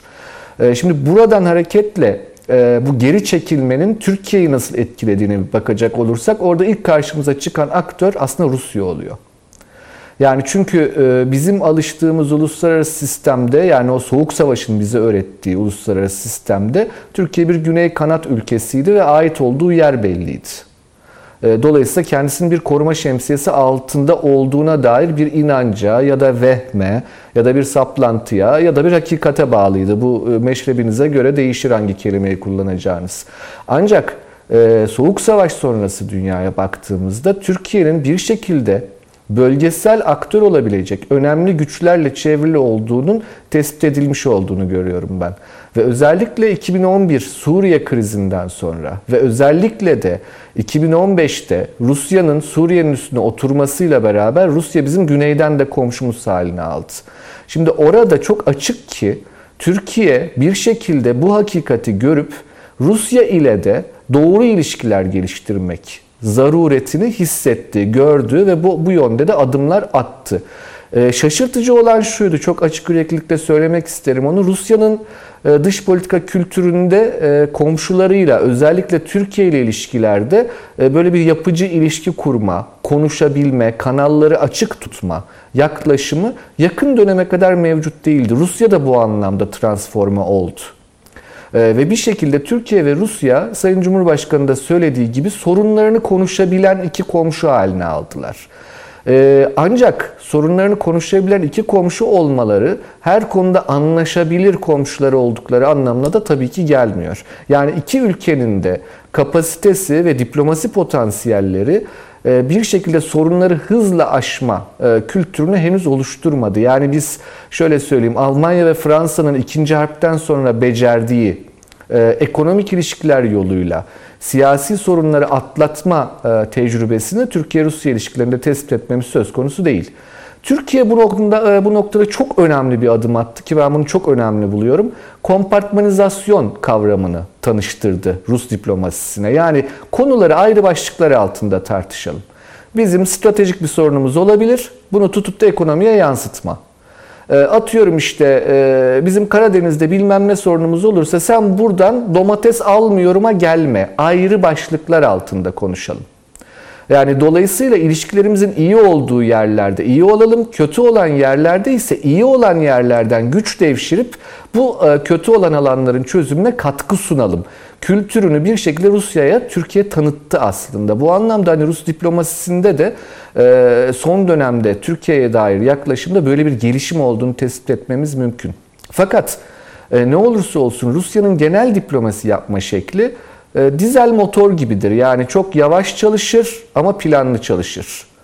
E, ve e, öyle kolay kolay da geri adım atmak, diplomasi yoluyla işte belli ortak noktaları bulma konusunda çok gelişmiş bir kültürleri olmadığını da akıllarda tutmak gerekir diye düşünüyorum. Şimdi e, Sayın Cumhurbaşkanı'nın Rusya'ya dair açıklamasında da Suriye başta olmak üzere e, en önemli konu ve İdlib Burada artık ne yapacağız? Bu noktadan sonra ne yapacağız? Cümlesinin Sayın Cumhurbaşkanı tarafından kullanılmasının ben artık bugünkü statükonun sürdürülemez olduğunun iki tarafca da kabul edildiğini ve yeni bir statikoya dair daha genel bir çerçevenin oluşturulabilmesi için e, müzakerelerin başlayacağı olarak değerlendiriyorum. Onu da şöyle söyleyelim. Sizin e, programınızda sayenizde e, bu mecrada defalarca tekrar etme imkanı bulduk. Asıl olan İdlib değil, işte efendim yok efendim orada e, Tel Abyad değil, ıvır değil, zıvır değil nedir asıl olan? Suriye eninde sonunda bir statiko kurulacak Suriye'de. Ve o statikonun adı ne olacak? Yani oradaki anayasal yapı nasıl bir anayasal yapı olacak? Asıl mevzu budur. Ve zannediyorum ki bu asıl mevzunun konuşulma e, aşamasına ilk kez Türkiye ve Rusya geçme kararlılığı içerisinde diye düşünüyorum. E, Sayın Cumhurbaşkanı'nın iyimserliğinin e, bende de iyimser bir etki yarattığını söylemek isterim. E, zira hani bu açıklamayı duyana kadar e, ben bu kadar iyimser değildim. Ancak Sayın Cumhurbaşkanı eğer bu kadar iyimserse e, belli bir veriye dayanarak herhalde bu iyimserlik oluşmuştur diye düşünüyorum. O yüzden hani beni de umutlandırdı. Onu itiraf etmem gerekir. Ancak orada ciddi anlamda Rusya ve Türkiye'nin eğer bunu becerebilirlerse yani Suriye konusunda gerçekten Suriye'nin geleceği konusunda iki tarafında ikna olacağı, iki tarafında kendileri açısından çok ciddi e, çiz, kırmızı çizgilerinin aşılmadığına ikna olacakları bir orta yol bulunabilirse bu bölge açısından da emin olun çok büyük bir yenilik olacaktır. Bu bugüne kadar yaşanmadı. Azerbaycan örneğini vermiş Sayın Cumhurbaşkanı. Mutlaka katılıyorum. Orada da ben e, şunu mutlaka söylemek isterim. Rus devlet mekanizmasının üstünde Putin'in özel bir inisiyatif aldığı e, konusuna kesinlikle katılırım. Çünkü Rus devlet mekanizmasının e, Kafkaslar konusunda çok muhafazakar olduğunu ama Putin'in bir şekilde bu muhafazakarlığı aştığını ve Türkiye ile belli bir uyum yakaladığını orada tespit edebiliyoruz. Aynı şey Suriye'de olur mu? E, belli dirençler olacaktır. Onu tespit etmemiz gerekir. Yani Rusya Savunma Bakanlığı'nın e, belli bir e, harekat planı vardır illaki oraya dair. Rusya Dışişleri Bakanlığı'nın onunla uyumlu bir harekat planı vardır. İstihbarat servislerinin aynı şekilde. Yani bu üç kurumun istihbarat hariciye ve askeriye harbiyenin Rusya'da bu üçünün e, planlarının Türkiye'nin planlarıyla çok uygun olmadığını e, anlamamız gerekir. Ancak burada eğer bütün bu üçünü de aşan, o bürokratik mekanizmayı aşan e, Rusya Devlet Başkanlığı düzeyinde bir açılım olursa e, o da dediğim gibi bölge açısından büyük sürpriz olur. E, ve bu sürpriz orta vadede ve uzun vadede çok farklı gelişmelere de sebebiyet verecektir. Orada bir cümle daha var. Onu da söyleyeyim, bitireyim Sayın Cumhurbaşkanı'nın söylediği. Suriye'yi konuşacağız ama sadece Suriye ile ilgili değil cümlesi. Türkiye'nin Libya'daki varlığı, Türkiye'nin Afganistan'daki etkisi, Türkiye'nin Kafkasya'daki etkisi, Karadeniz'de Türk-Rus ilişkileri, e, Türk-Ukrayna ilişkileri, Türkiye'nin Doğu Avrupa ile ilişkileri vesaire pek çok kaldıracının manivelasının da e, bir şekilde e, anladığım kadarıyla gündemde olacağını işaretini veriyor bana. Ee, belki buraya Irak'ı da eklemek mümkün müdür? Düşünmek gerekir. Ee, ancak hani bunlar çok e, ciddi hazırlık gerektiren e, süreçler. E, umuyorum Türk bürokrasisi ve siyaset yapıcıları, Hocam, hocam İran hazırlıkları yapıyorlardır e, diye söyleyeyim. İran konusu efendim şöyle. İran belli ki bu denklemin dışında. Sayın Cumhurbaşkanı'nın söylediği biz baş başa karar vereceğiz de. Ee, dışarıda olanlardan biri İran. Bir diğeri Esad, bir diğeri İsrail. Yani biz bu üçünün hesaplarının dışında Türkiye ve Rusya olarak Suriye'ye dair gel hesap yapalım davetidir. Burada söylenen şey budur. Ee, İran konusunda e, zaten Rusya'nın ciddi çekinceleri olduğunu, e, Astana sürecinin Soçi sürecine evrilmesinde bundan bir yıl evvel de sizin programınızda anlatmıştık. Rusya-İsrail ilişkilerinin özel yapısının İran'ı zaten Suriye'den dışlanması konusunda e, Rusya'nın da e, teşne olduğunu da izah etmiştik. Dolayısıyla burada İran söz konusu değil. Ee, İsrail söz konusu değil. Ee, gel Suriye'yi biz ikimiz e, konuşalım e, demektir. Buradan bir şey çıkar mı? Ee, şöyle söyleyeyim. Hep söyledim sizin programlarınızda. Türk devletinin bir şekilde geleneğidir, bürokrasi çalışkandır Türkiye'de. Ee, ve çok iyi insan kaynağı vardır. Umuyorum ki anayasa hukukçularıyla, e, diplomatlarımızla muvazzaf ve emekli, subaylarımızla, istihbaratçılarımızla e, birkaç yol haritası çıkarılmış olsun ve e, bu noktada tabii önemli olan muhatabınızı iyi tanımaktır diplomatik görüşmelerde. E, ona e, biz e, biyografi çalışması diyoruz bilim alanında. İstihbaratçılar profil çalışması der ama sadece bireysel düzeyde değil ülkelerin kodlarını iyi bilmek lazım. Rusya'nın burada çok sert duracağını, çok açık olmayacağını müzakereye öngörüyorum. Ya yani umarım e, dediğim gibi Cumhurbaşkanı ve Devlet Başkanı düzeyindeki görüşmede e, belli gelişmeler eğer sağlanabilirse bu sadece Suriye için değil bölge için ama dünya uluslararası politikası açısından da çok büyük açılımlar yaratabilecek farklı bir döneme işaret Peki eder. Peki hocam. Çok teşekkür ediyorum. Sağ olunuz. Şöyle bir ek yapacağım. Çok soru çıktı tabii şimdi. Ee, bu yolla ilgili Azerbaycan'ın bu konuşmadaki dahli açısından şu alıntıyı yapalım. Şöyle diyor e, Sayın Cumhurbaşkanı. Bu yolun, bu yolun yapımı çok çok çok önemli bir adım olacak. Bizim yani Azerbaycan'ı kastediyor. Iğdır'dan Azerbaycan'a giden yol kastediyor. Bizim beşli veya altılı platform dediğimiz olay vardı. Şu anda bu konuyla ilgili de Paşinyan'dan olumlu sinyaller geliyor.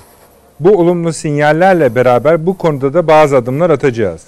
Yani bölgeyi barış noktasında da iyi bir konuma taşıma fırsatını yakalamış olacağız. Ay sonunda Sayın Putin'le yapacağımız görüşmede bunlar da tabii konunun içinde yer alacak. Böylece Türkiye-Rusya ilişkilerinde çok daha güçlü, çok daha farklı bir döneme girmiş olacağız. Şimdi e, şöyle yapalım. Hani size geleceğim ama bu İsrail meselesini kattı ya. Tam diyordum huzurlu bir program geçirecektik. Bir şey söylemek istiyor musunuz? Ben orada biraz farklı düşünüyorum. Onu bir söyleyeyim. Bir de İran'a da yani çünkü ben İran'a sorarken kastım şuydu Süleyman Hocam. Yani evet hani İran Suriye konusunun dışında bu toplantı üzerinde de işte ama kez kısalı günü konuştuk. Şangay İşbirliği Örgütü'nü açtılar. Hani Şangay, o örgüt önemli ya da değil. Mesele o değil. Yani sonuçta Rusya ve Çin'in içine doğru çekilen bir durum var gibi. Şimdi Rusya niye İran istemiyor? Yani değil mi? Tespit. Evet. İran Rusya'nın ayak bağı gibi. Hı hı. Belki ama sahada bir fonksiyon görüyor. Rusya'nın belki askeri bir takım operasyonlarını hafifletiyor, destek veriyor vesaire. Niye istemiyor ya da is- istemiyorum demek zorunda hissediyor kendisini. Çünkü bir baskı yiyor Rusya. Çok açık bu ve bu baskının nereden geldiği de belli. Çok aramaya gerek yok bence. İsrail'dir. İsrail'in Rusya'dan istediği çok açık. Bu değil midir?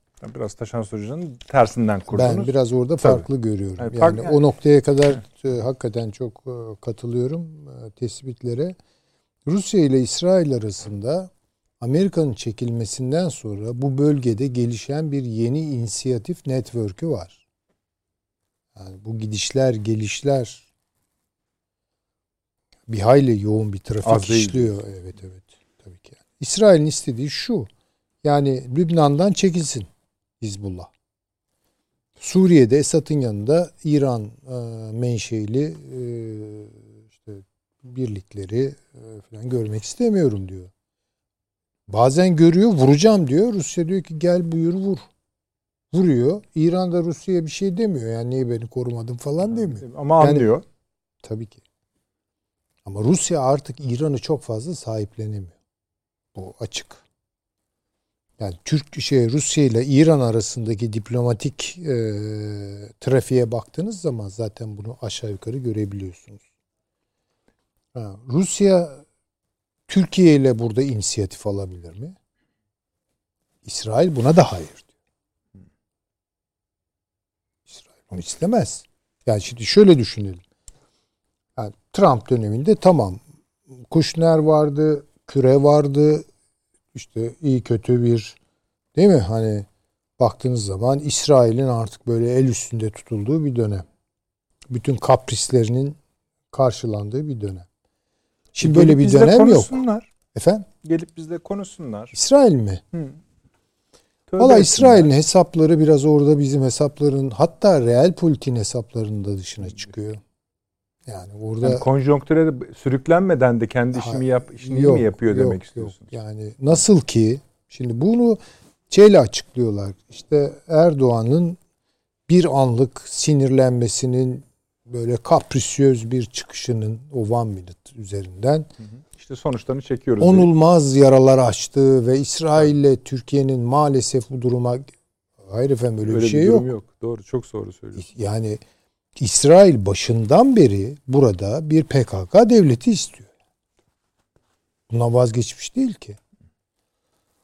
Dolayısıyla ben bundan sonra sahipsiz kalıyor gibi gözüken PKK'nın bir kere o kadar sahipsiz kalmayacağını, bir kere büyük ölçüde İsrail üzerinden çok önemli bir desteğe mazhar olacağını, muhatap olacağını, İkincisi buna İran'ın gireceğini, onun da sebeplerini isterseniz konuşabiliriz. Üçüncüsü Rusya'nın da bu işin koordinasyonunu yapacağını düşünüyorum ben. Onun için Taşansı Hoca'nın dediği doğru. İş döndü dolaştı şuraya geldi. Suriye ne olacak? Evet bu konuşulacak. Şöyle yapalım. Bir parantez rica edeyim sizden. Buyurun. Aslında ben şunu hani yani Taşansı Hoca başta şöyle bir analiz yaptı ya. Bir ricat hali tarif etti Amerika açısından. Doğru katılıyorum. ona. Tamam. Tabii, Bunda bu herhalde Hiçbir- herkesin hiçbir, muta- şey. muta- Peki bu geri, geri çek Amerika'nın dünyadan geri çekilmesi görüntüsü şu anda buna gücüm yetmiyorun kabulü mü yoksa bir yere doğru hani gerilme mi? Ha, Yani şimdi çünkü şu yani- söyleniyor. Oho Amerika'nın ne planları vardı Yani falan. dönüşüm muhteşem olacak gibi bir Şey- şey yani var evet. mı içeriyor? Zannetmiyorum. ben de zannediyorum. Yani eğer tabii. eğer ekonomik durumuna falan bakacak olursanız ki ben, biz çok az konuşabiliyoruz. Tabii tabii. Yine de Ee, yani ortalamanın çok üzerinde bahsedildi ama bu konuşmada. Tabii diğer tabii tabii. Yani bakın o son açıklama var ya Amerika için Mer- yapılan. söyleyeyim. Merkez Yani borçlanalım. Bir dakika. Yani e, sayın uzman kimden borçlanacaksınız? Bu borcun kaynağı nedir? işte Yani sorulmaz mı hep böyle tamam bu, kimden Ha, alıyoruz bu parayı denmez mi? borçlanalım yani. Bu şu demek yani. Para basalım. Tabii. Söyleyen Çünkü kim? artık- Hani uzman değil. ABD Hazine Ha, Bakanı. Bakanı ama bakın bunu FED'e bile artık kabul ettirmekte zorlanıyorlar. Yani aşağı şey dememe izin verin Ya diyor. çünkü- Para basın dememe izin Tabii verin. yani Amerikan hazinesi bono çıkaracak. Otomatik olarak FED bunu satın alacak. E, QE'ye gidecek. Hayır öyle değil ya. Hesabı yapılıyor bunların. Yani artık FED'in e, şeylerini dahi Evet aştı. toleranslarını da aştı. E, şey, Sonra bu bir de Biden çok daha tehlikeli laflar ediyor. Yani diyor bunu diyor borçlanma üzerinden değil vergiler üzerinden. Eyvah yani. Amerika'da işi vergilere dökerseniz siz isyan- öyle bir kamuoyu çıkar karşınıza.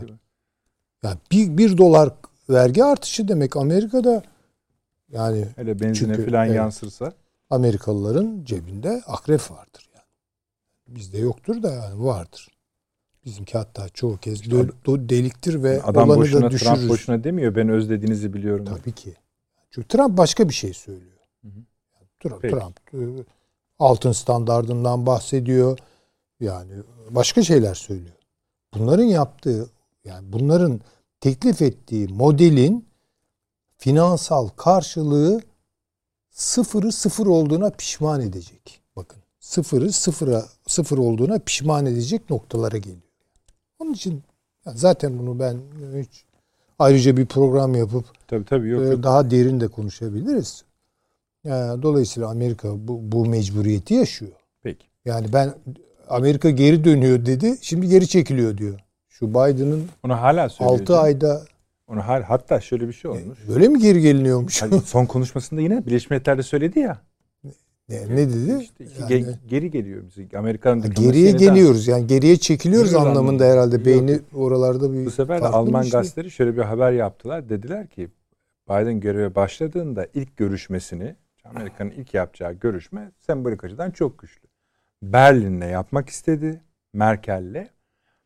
Ee, ve böylece Avrupa'ya dönüşünün sembolü olarak bu görüşmeyle başlayacaktı. ilk görüşmesi Tamam. diye Merkel reddetti.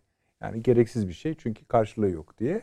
Ben de zaten hafta sonu tatile gidiyorum demiş. Bilemiyorum Alman tabii ne kadar doğrudur. yalanı. Ee, Öyle söyleyelim yani. Yani- Evet, ya Pek o, inandırıcılığı o yok biraz- gibi bir şey yani. Biraz farklı bir. Peki. Ama şu var yani hepsi Biden geldi diye zil takıp oynadılar başta. Tabii Macron Fransa- olmak üzere değil mi? Ha, Fransa burada biz ne konuşmalar Şimdi en yaptık. çok ağlayan bu. Yani Tabii. Vay ki var yani. siz e, Vay ki var. şeyin yani Görürsün. Yani bize de kızgınlığın bir parçası olan Trump-Türkiye ilişkileri nedeniyle işte Biden gelince tabii şu konuya hiç girmiyoruz. Bizim bir de bir de meşhur Biden'cılar var biliyorsunuz Türkiye'de. Evet. Onların yatırımları acaba Aa, ne çok tuhaf Trumpçılarımız da var yalnız. Biliyorsunuz değil Trump'a- mi? Hayır, Trump desteklerken ya da yererken tuhaf olmakta bir beis yok. Trump'ın kendisi tuhaf. Ama bunu Ama- yani öyle bir şey ki ya Newcastle'la Nottingham Forest e, bilemem işte iki takım maç ediyor ve Türkiye'de ka- kahvede kavga çıkıyor gibi bir tuhaflık yani. Bu Ama- noktaya getirdik işi yani. Çok Çünkü. Trump'ı da Biden'cılar dediğimiz buna siyaseten yatırım yapanlar. ha o başka. Yani temennileri Tabii, var. tabii, Biden tabii, gelecek. Türkiye'de de tabii. Ha o Yani. tabii canım. onlar vesaire yani. vesaire. Geleceğim hocam. Ama şeyi söyleyeyim mi Buyurun. yani onu bitirmek isterim Buyurun, buyurun. izninizle. Bu. İsrail ile e, Rusya arasındaki eksen ki ben bunun olabilir mi olamaz mı çok doğrusu düşündüm. Hatta Taşan Soğucu'dan da e, bu oraları daha iyi bildiği için o konuda hep sorardım yani. yani. Çok kuvvetli bağlar var, akıl almaz bağlar var bu iki şey arasında. Ve bu e, yavaş yavaş bir siyasi e, şeye yani Sayın Cumhurbaşkanı sadece Rusya ve Türkiye olacak. Biliyor ki yani bunu oldurmak için bir çaba sarf ediyor ama orada İsrail'de olacak. Görelim yani. Adıyla değil, vücuduyla değil ama Rusya üzerindeki telkinleriyle olacak. Başka biri daha olacak. İngiltere'de olacak. O hiç olma. Yani hiç görünmeyecek şekilde. Canım. Avni abi. Suriye. Evet. Yani oradan işte Taşan hocamız da söyledi. Süleyman hocamız da eksik olmasını söylediler. Bir şey yani yüzlük yüzlük kuyruğuna gelmişiz gibi bir intiba oluşuyor. Öyle midir bilmiyoruz ama hani burada bir şey başlayacak. Bağlama açısından kuyruk demedim ama bir şeyin kuyruğunu yakalanacak yermiş gibi gözüküyor. Gerçi e, Taşansı Hoca yani biraz ümit varım, daha ümit varım dedi. Ama belki ümit var olacak güç bir takım işaretler görüyor hocam. Ben öyle çok fazla ümit var işaretler falan görmüyorum açıkçası. Üstelik yani tamamen Türkiye'yi köşeye itecek, sıkıntılandıracak bir şey görüyorum. Tabii. Onun için ya bu İdlib'i boşalt. Yani buradakileri temizle diyorlar. Eğer temizleyemiyorsun, bu kadar zamandır zaten söz verdin. İşte bu teröristleri ben ortadan kaldıracağım dedim. Bak kaldıramadın falan falan neyse işte. Türkiye'ye yönelik uzunca bir süredir seslendirdikleri, Rusya'nın seslendirdiği şeyler bunlar. Ondan sonra yani e, o zaman bırak. Yani bak Suriye devleti kendi ordusuyla, milli ordusuyla burayı halledecek. Yani nasıl halledecek filan onları bırak yani. O tarafıyla ilgilenme sen. Bir kısmını e, Afganistan'a göndereceklerini ümit ediyorum. Yani oradaki gu- grupların bazılarını e, paketleyip Afganistan'a göndereceklerini düşünüyorum. Bazısını Suriye ordusu içinde idare şey eritmeyi deneyeceklerdir filan. Bunun formüllerini herhalde hazırlıyorlar. Yani Rusya hazırlamıştır bunu. Ve Suriye'de. Yani burada tabii Şam'ın bir iradesi söz konusu değil.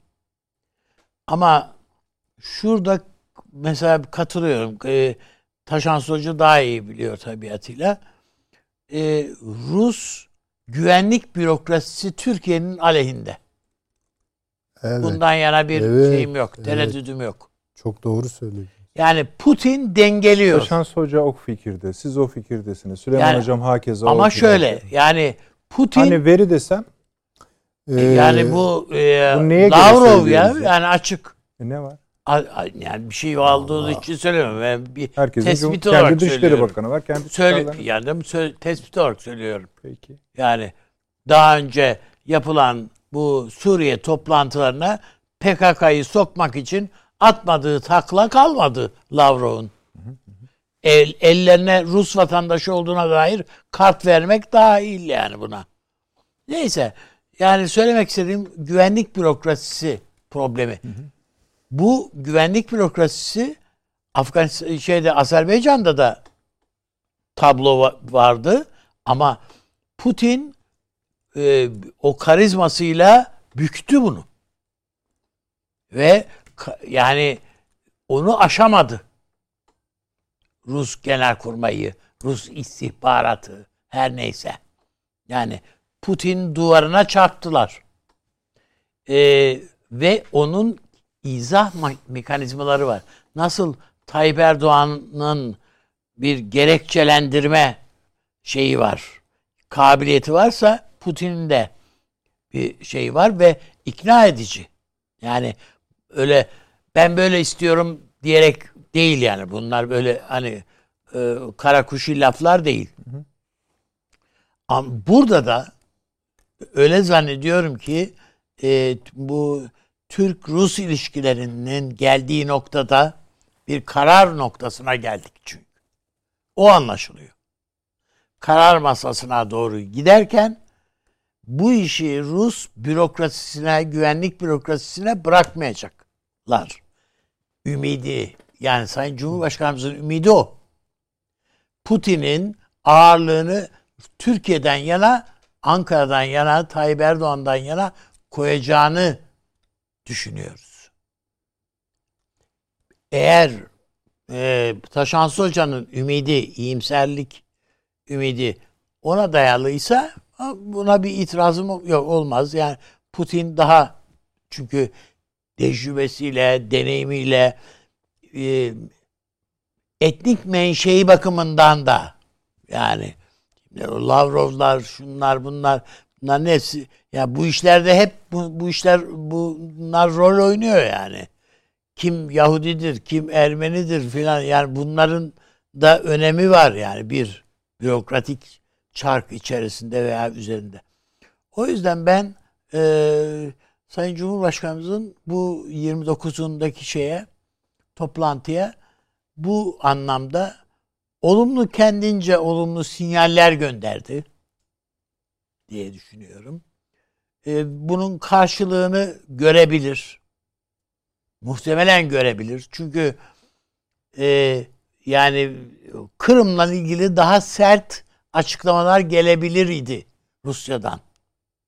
Tabii tabii o da esnek verdi. Yani üzüldük Yani çok dedi. evet üzüldük veya şu bu işte halbuki yani Türkiye'nin şeyin devamında Türkiye'nin dışişleri sözcüsünün yaptığı daha sert yani bu referandumu da tanımıyoruz ha falan gibi o manaya gelen açıklamalar da var yani.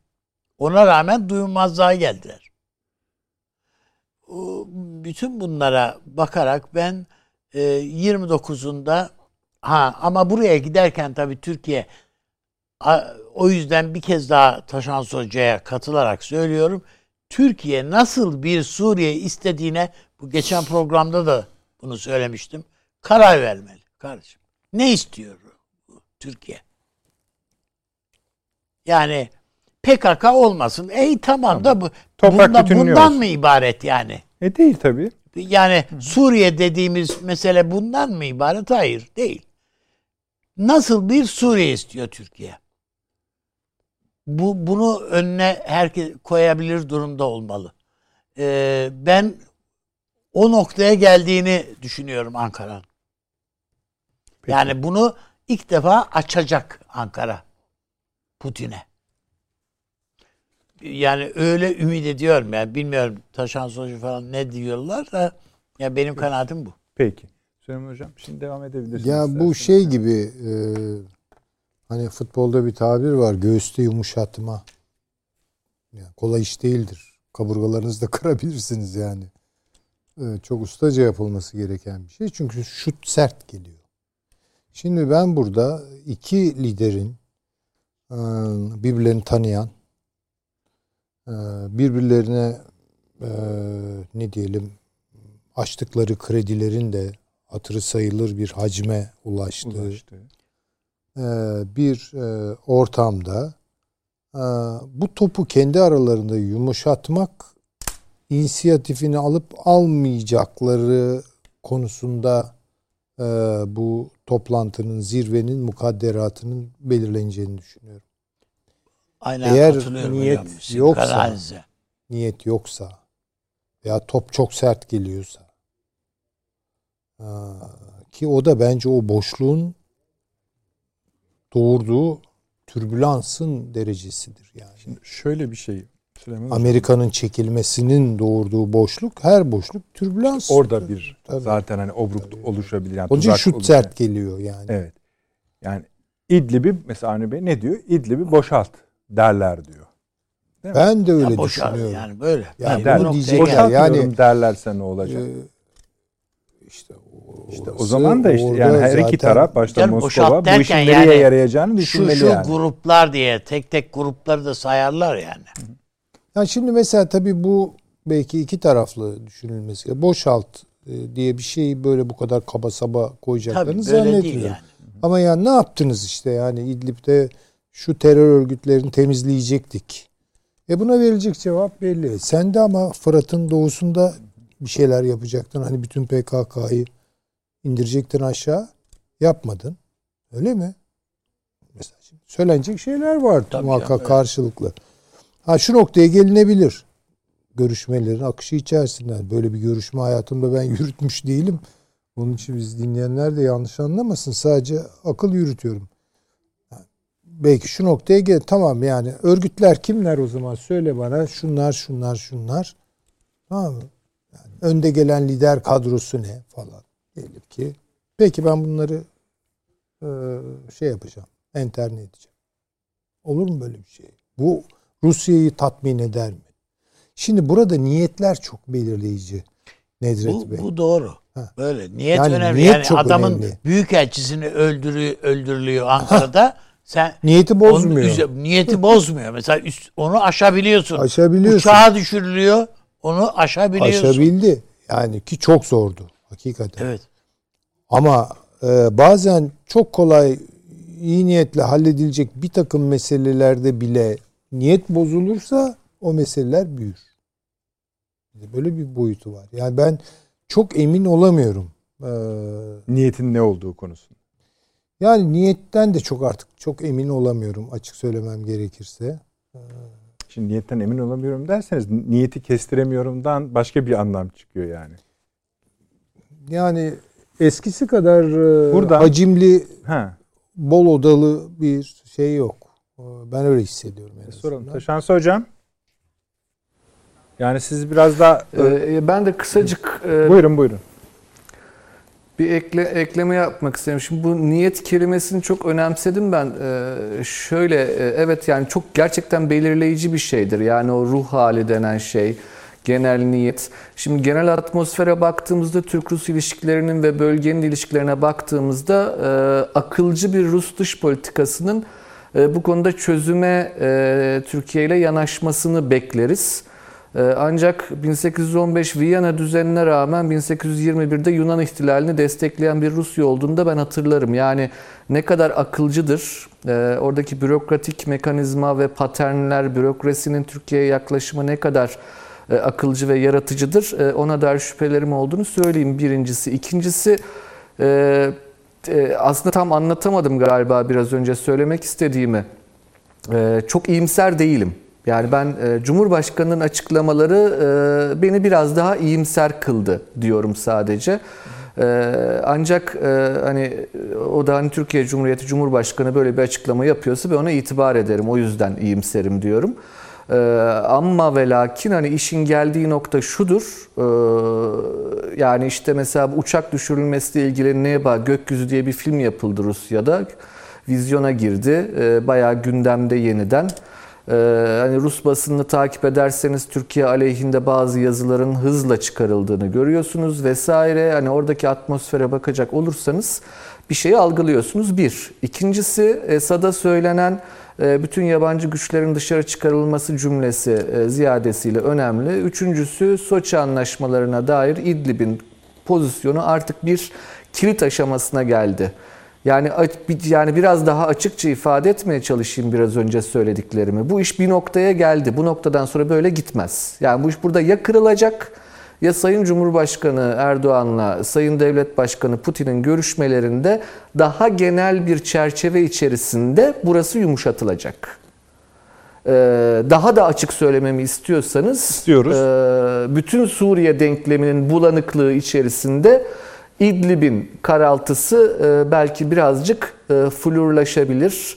E, ancak o sağlanabilir. Ancak eğer iş sadece İdlib konusuna ve Türk askerinin oradaki varlığı konusuna kilitlenecek olursa ben hiç umutlu olmadığımı söylemek isterim. Rusya'yı yani kendince tanıdığını düşünen birisi olarak Rus diplomasi paternlerini kısmen bilen bir insan olarak eğer sadece oraya kilitlenirse bir şey çıkmayacaktır. Ancak yeni bir aşamaya geçilirse dediğim gibi daha büyük bir çerçevede konuşmaya başlanabilirse e, Türkiye biraz daha e, Suriye'nin kuzeyine dair zaman kazanmış olur. Çünkü hakikat şudur Suriye hava sahasını bugün Rusya kontrol ediyor. E, bu pek çok şeyin e, belirleyenidir diye düşünürüm. Zannediyorum daha açıkça ifade edebildim kendimi. Peki efendim Arne abi. Öyle mi? Ee, yani burada tabii netleştirmiş oldu. Yani şey konusunu, inser Evet, olmak. Yani e, esasında Esed'i bu bütün yabancı güçler terk edecek Rusya'yı, şey Suriye'yi filan bunları söyleten zaten Rusya. Yani e, Moskova'nın düşüncelerini yansıtıyor. E, Moskova'nın da kanaati aşağı yukarı bu bu yönde. Ama Rusya seni yabancı sayıyor mu saymıyor mu? Yani Türkiye göre. ya Türkiye'ye Adana mutabakatına de göre sen oradasın hatırlatmasını yapan da Rusya'ydı. Yani Ankara'nın aklında yokken Hem o Yani- yolu gösterdi Evet. hem de Ş- Şam'a da dedi ki sen de bunu söyleyeceksin dedi ve söyledi ha, söyledi. yani şimdi e, hani sen orada yabancı güç değilsin. Yani yapılan anlaşmaya göre sen oradasın. Zaten vardığımız Adana mutabakatına dayalı bir şeyle oradayız. E, bunu söyleyen de Putin. Önümüze getiren. Dolayısıyla yani e, İdlib diye meseleyi sadece böyle bir e, kangren noktası, bir e, kist, bir doku gibi orayı orayı görmek doğru değil. Değil. Ama İdlib'in biraz bizim için bir tek önemi şurada şu söyleyeyim Bunlar o İdlib'i tasfiye ederken oradaki e, efendim işte bunlar terörist unsurlar falan diyerek burayı tasfiye ederken bu çok ciddi bir göçmen dalgasını Türkiye'ye dayatmak demektir. Bu PKK'nın filan aslında işine geliyor. Evet Suriye'nin işine gelmiyor. Yani Şam yönetiminin işine gelmiyor ama PKK'nın işine geliyor. Çünkü Türkiye'ye gelen Suriyeliler Kürt bile olsalar e, PKK'nın Suriye'ye geri dönmesini istediği Kürtler değil onlar. Dolayısıyla yani o yapı ben ben diyor burada kendime göre daha böyle steril bir yapı Kürt yapısı oluşturmak istiyorum. Ee, yani astığım astık kestim kestik olacak orada diyor. Yani kendinden olmayan Kürtlere de hayat hakkı tanımayan bir PKK var orada. Rusya'nın buna eveti yok. Suriye'nin de buna eveti yok. Eğer Ankara bir çöz şey üretebilse Suriye politika şeyi şöyle bir Suriye istiyoruz. Şuna evet diyoruz. Yani oradaki Kürt dokusu için kafamızdaki de budur. Zihnimizde bu vardır. Çünkü Ankara oradaki Kürtlerle de görüşüyor.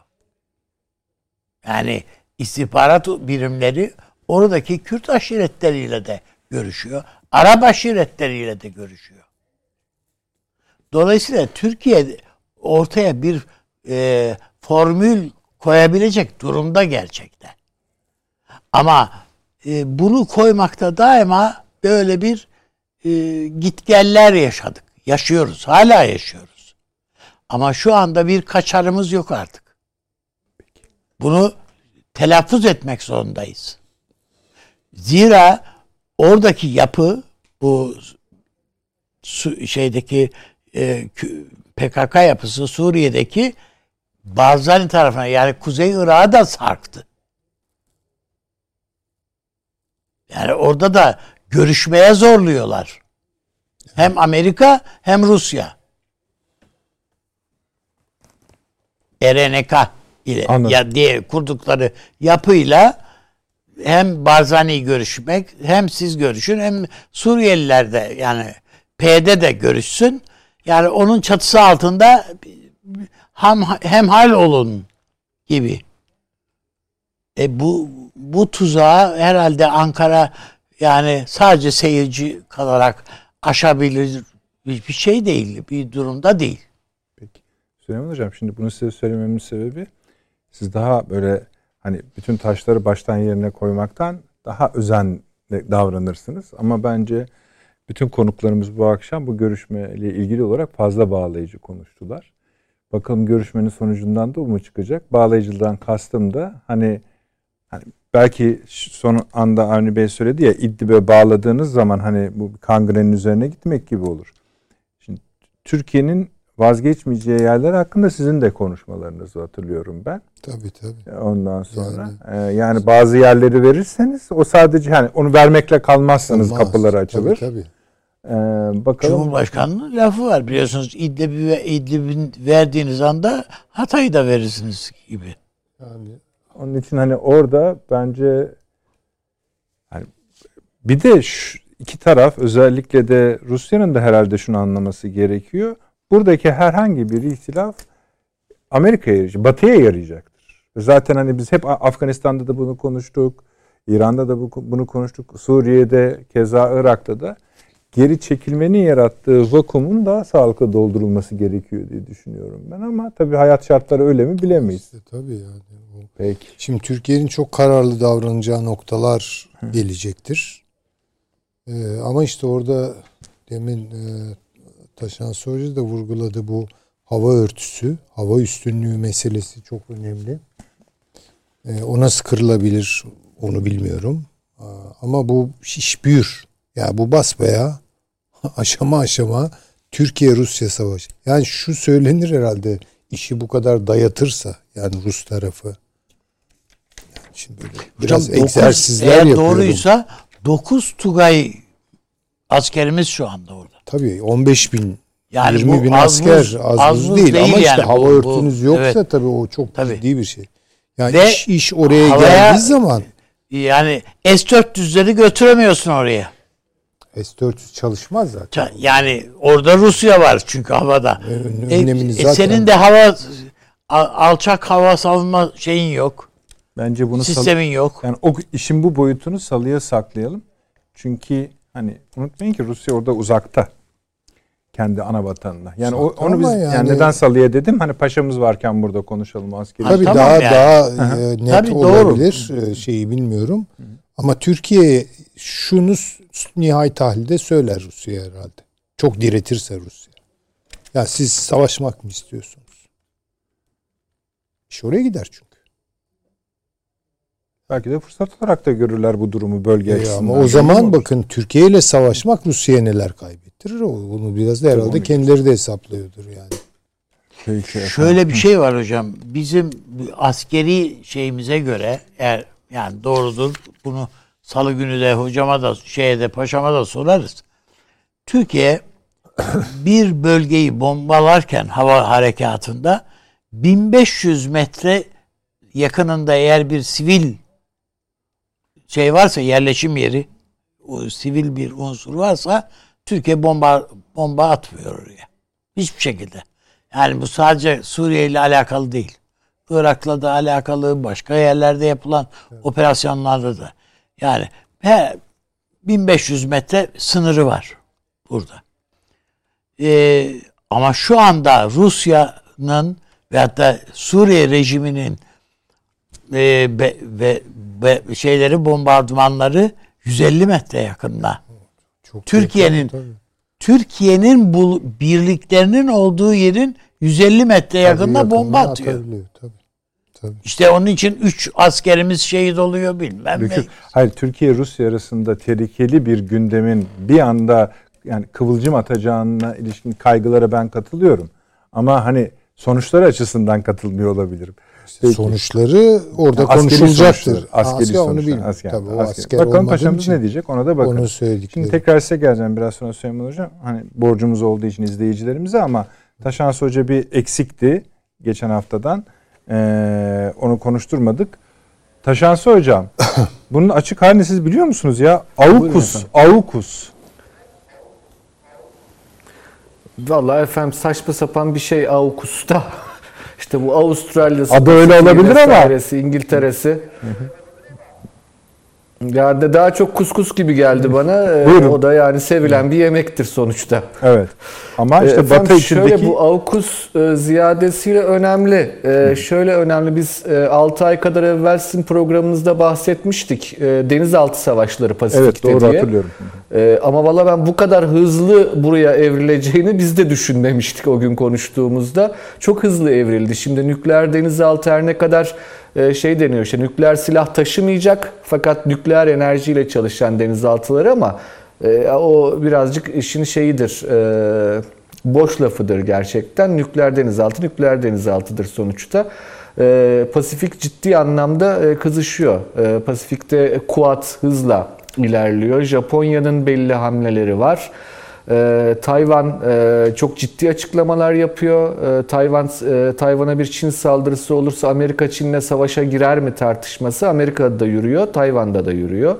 Ee, orada bloklaşma çok hızla ilerliyor Pasifik'te gerçekten. Hep bahsettiğimiz konular bunlar. Ee, tabii orada hani dikkat edilmesi gereken konulardan bir tanesi Amur Nehri'nin kuzeyidir Çin-Rusya sınırında. Ee, takribi e, 100 bin e, kilometre kare yani Türkiye'nin e, yüz ölçümünün 8'de 9'da biri kadar bir alan Çin tarafından kendi toprağı sayılıyor ama şu an Rusya Federasyonu toprağı orası. Dolayısıyla oradaki anlaşmazlıkların haddi hesabı yok. Pasifik dediğimiz zaman Hint'ten başlayın, Avustralya'ya inin, yukarı çıkın Japonya'ya, e, Guam'ı vesaire de içine alın, yukarı çıkın Rusya'ya, e, ta Kuzey e, Denizi'ne kadar giden bir alan Pasifik artık. Geniş Pasifik demek lazım galiba bu bölgeye. E, dolayısıyla o bölgenin e, çok dikkatle takip edilmesi gerekir. Çünkü Afganistan üzerinden ve İran üzerinden oradaki dalgalar Türkiye'ye vurur. Yani e, Türkiye'den uzak olsun diyorum ben hep. Çok da seviniyorum Türkiye'nin uzağındaki gerginlikler olunca ama e, onun e, tsunami'nin etkilerinin de e, olacağını hesaplamak lazım. O bir tsunami'dir çünkü. Artık uzak yer yok. Şimdi bunun Taşansı bir hocam. veçesi bu. Uzak yer yok artık öyle. İkinci veçesi Fransa. Efendim Fransa O daha önemli. ee, çok ciddi bir kazık yedi. Ee, sırtımızdan bıçaklandık dedi. Fransız diplomasisinden hiç alışık olmadığımız cümleler geldi. Avustralya'daki yani e, Canberra nezdindeki e, Fransız Büyükelçisi burası berbat bir ülke, diplomasisi de son derece başarısız gibi bir cümle kullandı. Bu bir diplomata hiç yakışmayacak bir şeydir ama bakın bunu birkaç e, aydır, birkaç yıldır söylüyoruz. Diplomasi ne yazık ki son dönemde dünyada istihbarat ve askeriye tarafından e, doldurulmaya başlandı. Bu hoş bir gidişat değildir. Yani bu böyle e, Eylül ayları da hoş değildir dünya tarihinde. Birinci Cihan Harbi, ikinci Cihan Harbi hep o bir Eylül ile alakalıdır. Böyle bir Eylül havası var dünyada. O Eylül'e gidiş kaç yıl sürer? 10 yıl mı sürer? 100 yıl mı sürer? 3 ay mı sürer? Bilemem yani ama e, bu kötü bir gidişat. Şimdi bunun e, yansıması Fransa'nın AB ordusu, Avrupa ordusu konusundaki baskısı ve talepleri, istekleri. Bunu hep söyledik bu programda. Almanya'dır asıl motor ekonomik olarak ama akıl Fransa'dır. Yani e, İkinci Dünya Harp'ten sonra Alman devlet mekanizması Amerikan kontrolü altındadır. Öyle özgür bir Alman devleti kavramı çok hani e, hayaldir onlar. E, Amerikan istihbaratı, Amerikan devlet mekanizması Almanya'nın özne olmasına izin vermez. Kendisine karşı bir özne olmasına. Ancak Fransa hep özerkti. Dolayısıyla Fransa o aklını tutuyor. E, Macron da işte kısa boylu. Malum Korsikalı da kısa boyluydu. Bunların bir Avrupa'yı birleştirme hamleleri, hedefleri, hayalleri illaki vardır. Ama hayaldir. Projelendirilmesi son derece zordur.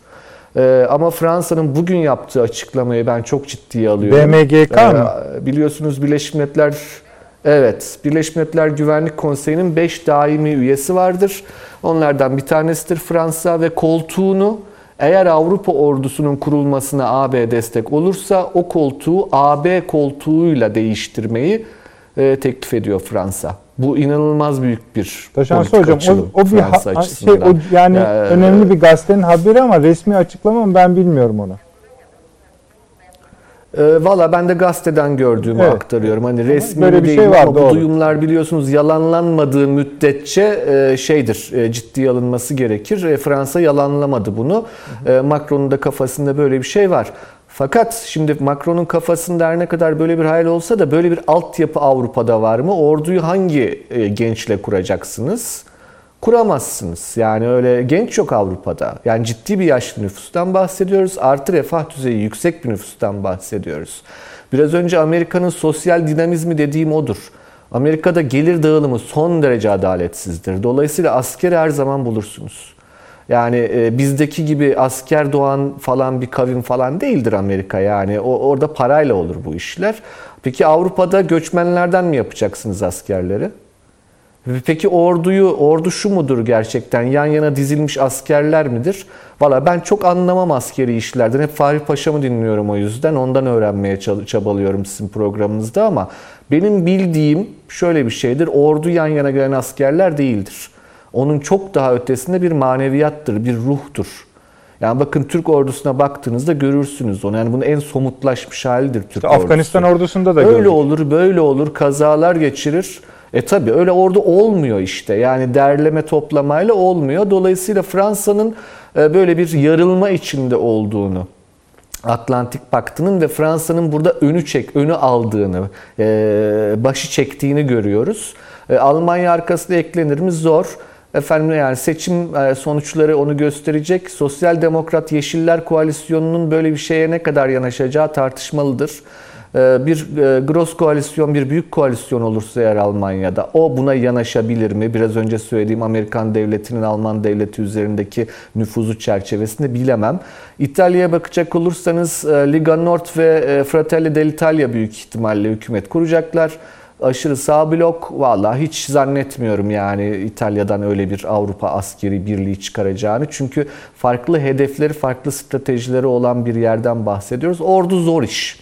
Ama Fransa'nın bir şekilde e, belli bir anlamda Indo-Pasifik bölgesinden dışlandığını görüyoruz. Orada bir yeni bir blok oluştu. Bunun adı işte Amerika, Kanada, İngiltere, Avustralya, Yeni Zelanda, Anglo-Sakson bloğu. Geçen hafta da söyleme şansı buldum. Beş gözdür. Ee, beş göz demek istihbarat birliğidir. İstihbarat birliği üzerine koalisyon kurulmuş durumdadır. Buna Japonya eklemlenir. Buna Tayvan eklemlenir, buna Güney Kore eklemlenir, buna Endonezya eklemlenir. Filipinler Çin tarafında kalacak gibi görünüyor şu an için ama belli olmaz o iş. Ee, Singapur'un yeri bellidir. Mali olarak zaten burayı destekleyecektir. Peki Hindistan'ın yeri de belli mi? Amerikan tarafında. Hint işte orada tam ağzımdan aldınız Nedret Bey. Orada kilit ülke Hindistan'dır. Zaten bakın e, İngilizlerin Afganistan'dan çekilme işine bu kadar kızmalarının sebebi de budur. Hindistan'ı biz kurtarıyorduk Rusya'nın elinden. Siz bu haltı ettiniz. Rusya'nın elinde kaldı Hindistan diye kızgınlar İngilizler. Çünkü çok çaba sarf ediyorlar orada çok belli. Ee, Pakistan yetmez İngiltere'ye. Ee, Hindistan lazım. Pakistan'ı gözden çıkarmış durumdalar zaten. Çünkü Rusya'nın elinde bir Hindistan, Rusya ile yakın ilişkiler içinde olan bir Hindistan aracılığıyla Rusya'nın da bu bloğa sızacağını, bu bloğun bir müttefiki olacağını düşünmek bile istemiyor İngilizler. Biliyorsunuz iki harpte de hiç Ruslarla müttefik olmak istemezdi İngilizler. Ama zaruretten oldular. Kerhen ittifaktırlar Rusya ile hep. Ee, Ruslar da hep kerhen İngiltere ile ittifaktır yalnız. iş ciddiye bindiği zaman o iş oraya gider. Süleyman Hocam çok ee, Dolayısıyla e, hani bu AUKUS'u e, çok çok ciddiye almak gerekiyor. E, bu artık yeni dinamikler bunlar dünyada ancak çok tehlikeli olduğunu ve özellikle bakın bir husus var çok çok önemli, önemli buluyorum ben bunu. Ticari anlaşmaların, diplomatik görüşmelerin bizim bildiğimiz konvansiyonel, geleneksel niteliğini kaybetmesi beni çok endişelendiriyor. Yani Taliban Amerika tarafından terörist olarak kabul edilen bir örgüt. Gidiyorsunuz siz resmi görüşme yapıyorsunuz ama hala terörist.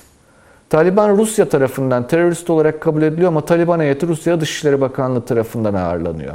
Bakın bunlar ne yazık ki e, dediğim gibi diplomasinin yerine istihbaratın ve askeriyenin çok fazla doldurduğu günlerdir. O yüzden ben zannediyorum ki hani e, Fahri Paşa'yı çok çok dinlememiz gereken dönemlerdeyiz. Onların hani ben çok e, gurur duyduğum, meslektaşı olmaktan gurur, gurur duyduğum birisi Fahri, Fahri Hocam. Ama onun paşalık kimliğini şu ara daha çok önemsediğimi söylemek isterim. E, zannediyorum çok çok onlara danışmamız gereken bir dönemin içinde dünya. E, ama hep de sevdiğim subaylar e, onu söyler.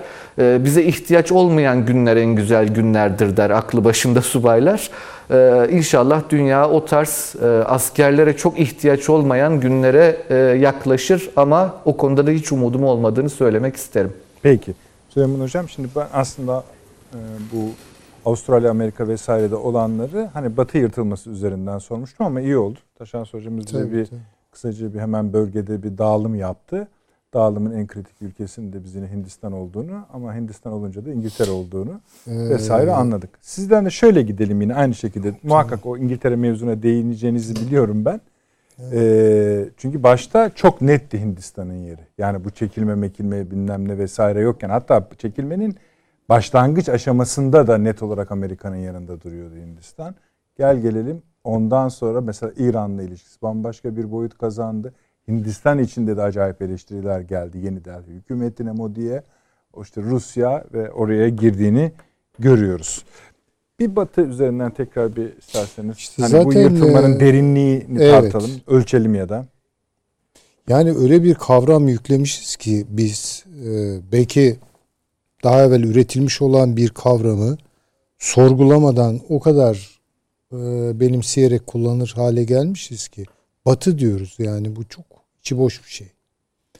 Yani hangi batı diye soruyordu e, rahmetli Atilla İlhan, merhum Atilla İlhan.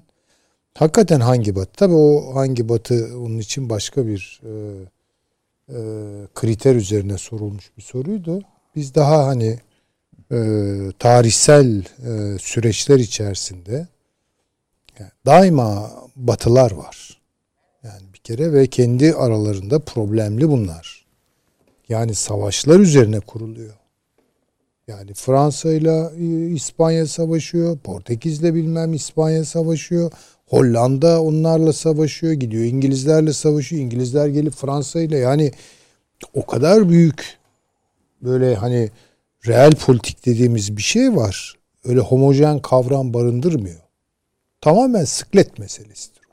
Orada ağırlığını ko- koyan diğerlerini sindiriyor, kendi iş bölümüne tabi kılıyor ve onun üzerinden dünyayı yönetiyor. Ya işte ne bileyim 15. asır hatta önemli ölçüde 16. asır bir İspanyol asrıysa işte 17. asır bir Hollanda asrı oluyor. Ne bileyim 18. asır Fransa oluyor. Sonra bilmem İngiltere oluyor yani bu bunu bir kere görelim. Bazı çok önemli tarihsel fay hatları var Batı'nın içinde. Onları çok iyi bilmiyoruz. Ben de çok mükemmel bildiğim iddiasında zaten değil. Çünkü biraz da bu ifşa edilmiyor. Kaynaklar da bu konuda çok resmi tarihe e, yok tabii ki yani. Onlar da kendilerini homojen bir batı olarak koymayı pek severler. Ama öyle olmuyor. Çünkü o hegemonik bir şey. Standart bir batı diyor. Mesela diyelim ki bunu Amerika tarif ediyor.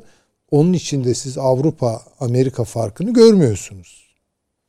Hatta Avrupa'nın içinde Kuzey Avrupa veya Güney Avrupa bunlar hep üzeri geçiştirilen, kapatılan Hatta ee, çoğu zaman işte mesela Almanya ve, hani Almanya ve Fransa'da yani tabii yani, hepsi ba- farklıdır. Hollanda Almanya ilişkisinin derinliği din e, eksenine de koysanız farklı bir şey çıkmıyor. Yani Katolik bir Avrupa olmuyor ki. Yani Fransız kardinal üstelik adam kardinal ama devlet adamı Richelieu Katolik Avusturya Macaristan'ı atı verdi e, protestan devletlerin önüne. Arkasını döndü gitti. Sattı yani. Yani düşünün. Protestanlar arasında kavgalar var. O kadar bunlar hani hakikaten cleavage dediğimiz şey diversity değil. sadece farklılıklar deyip geçemezsiniz. Bunlar çatlaklar, fay hatları. Bu temelli fay hatlarından bir tanesi Anglo-Amerikan Batı ile kıta Avrupa'sının temsil ettiği Batı arasında hani belli noktalarda çok diretmeden kurulabilir. Bir türlü o iki yaka birleşmiyor. Ben bunu hep söylüyorum. Ee, Denver'la Kale arası biliyorsunuz. Yani bizim Anadolu yakasından e, evet. Avrupa yakasına geçmek gibidir. Yani geçtiğinizde Fransa'dan İngiltere'ye gidiyorsunuz. Evet. Fakat dünya değişiyor orada. Yani bazı güçlü ortak paydalar tabii ki bulunur. Yani o ayrı bir hikaye. Ama yani mantalite değişiyor, bakış değişiyor, iklim e, giderek değişiyor filan.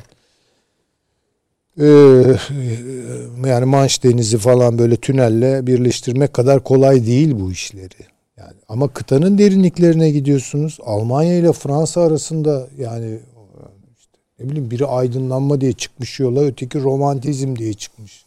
Biri gelecek diye çıkmış, öteki tarih diyor falan ya. Böyle bir hakikaten pek çok açıdan bu bölünmelerin farkına varmamız lazım. Ee, İtalya ile Fransa evet çok belki kültürel olarak yani Latin Avrupa diyebileceğimiz bir Avrupa olmuyor. Yani bunların arasında da en son hatırlasanız da yani İtalyan Başbakanı Fransa'ya falan döndü arkasını gitti. Yani e, Almanya'ya falan e, şey yaptı, tavır aldı. E, biz burası da göçmen e, paket servisi mi yapıyoruz falan diyor. Bunlar. Yani bu kolay değil. Öyle bir batı yok. Aynı ülkenin güneyiyle kuzeyi arasında ha, da kavga onları, var. Tabii ki yani. İtalya'nın Şimdi böyle, öyle, böyle bakacak öyle. olursak hani evet tabii yani o tip şeyler de var. Yani Belçika diyorsunuz. Valonlarla evet. Flamanlar birbirlerinin suratına bakıyor. İspanya öyle. Anlaşamıyor dediniz. Hani bıraksalar kat- federal olacak. Bir... Tabii tabii orası. Yani bu Batı meselesi hakikaten çok feodal bir derinliğe sahip. Biz feodaliteyi de bilmiyoruz. Feodalite işte böyle bir şeydir. Biz daha başka bir e, şey kurmuşuz. Yani mukadderat topraktır ama mesela Osmanlı bunu Weber güzel anlatır. Prebendaldir. Prebendal ile feodal aynı şey değil. Ve Osmanlı'nın bütün Balkan fütuhatı feodaliteyi ezip prebendaliteyi yerleştirmektir. Ve bunun da birinci maddesi özgür olmayan köle, köylüleri özgür ilan etmekle başlar. Bakın bunlar önemli şeylerdir falan. Neyse yani. Çok derinliklere girmek gerekmiyor ama bir fark var. Başından beri Avrupa Birliği diye bir şey varsa, Adenauer'lar, De Gaulle'ler, bilmem şunlar bunlar. Bunların bütün davası Anglo-Amerikan baskıyı hafifletmek. Güzel.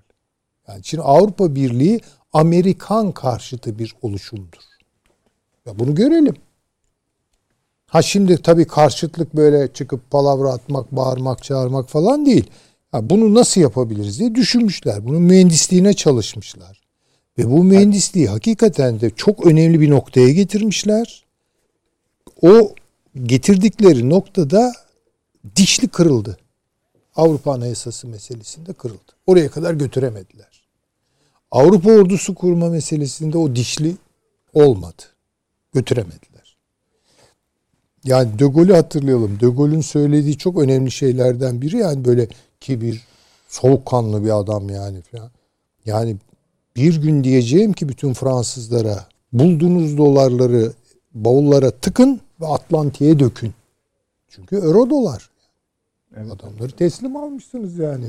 Avrupa dolarıyla. Dişlilerin kırıldığı yer de esasında genellikle Almanya ile ilgili konular. Çünkü Tabii. asıl ana dişli o. Onu kırık tuttuğunuz sürece Avrupa şey yapamıyor. Ama şöyle şöyle de bir şey var. Onu unutmayalım. Buyurun. Almanya'nın hakikaten muazzam bir siyasi, idari aklı gelişti o. Yani Bismarck denilen adam şaka bir adam değil. Prusya şaka bir şey değildir.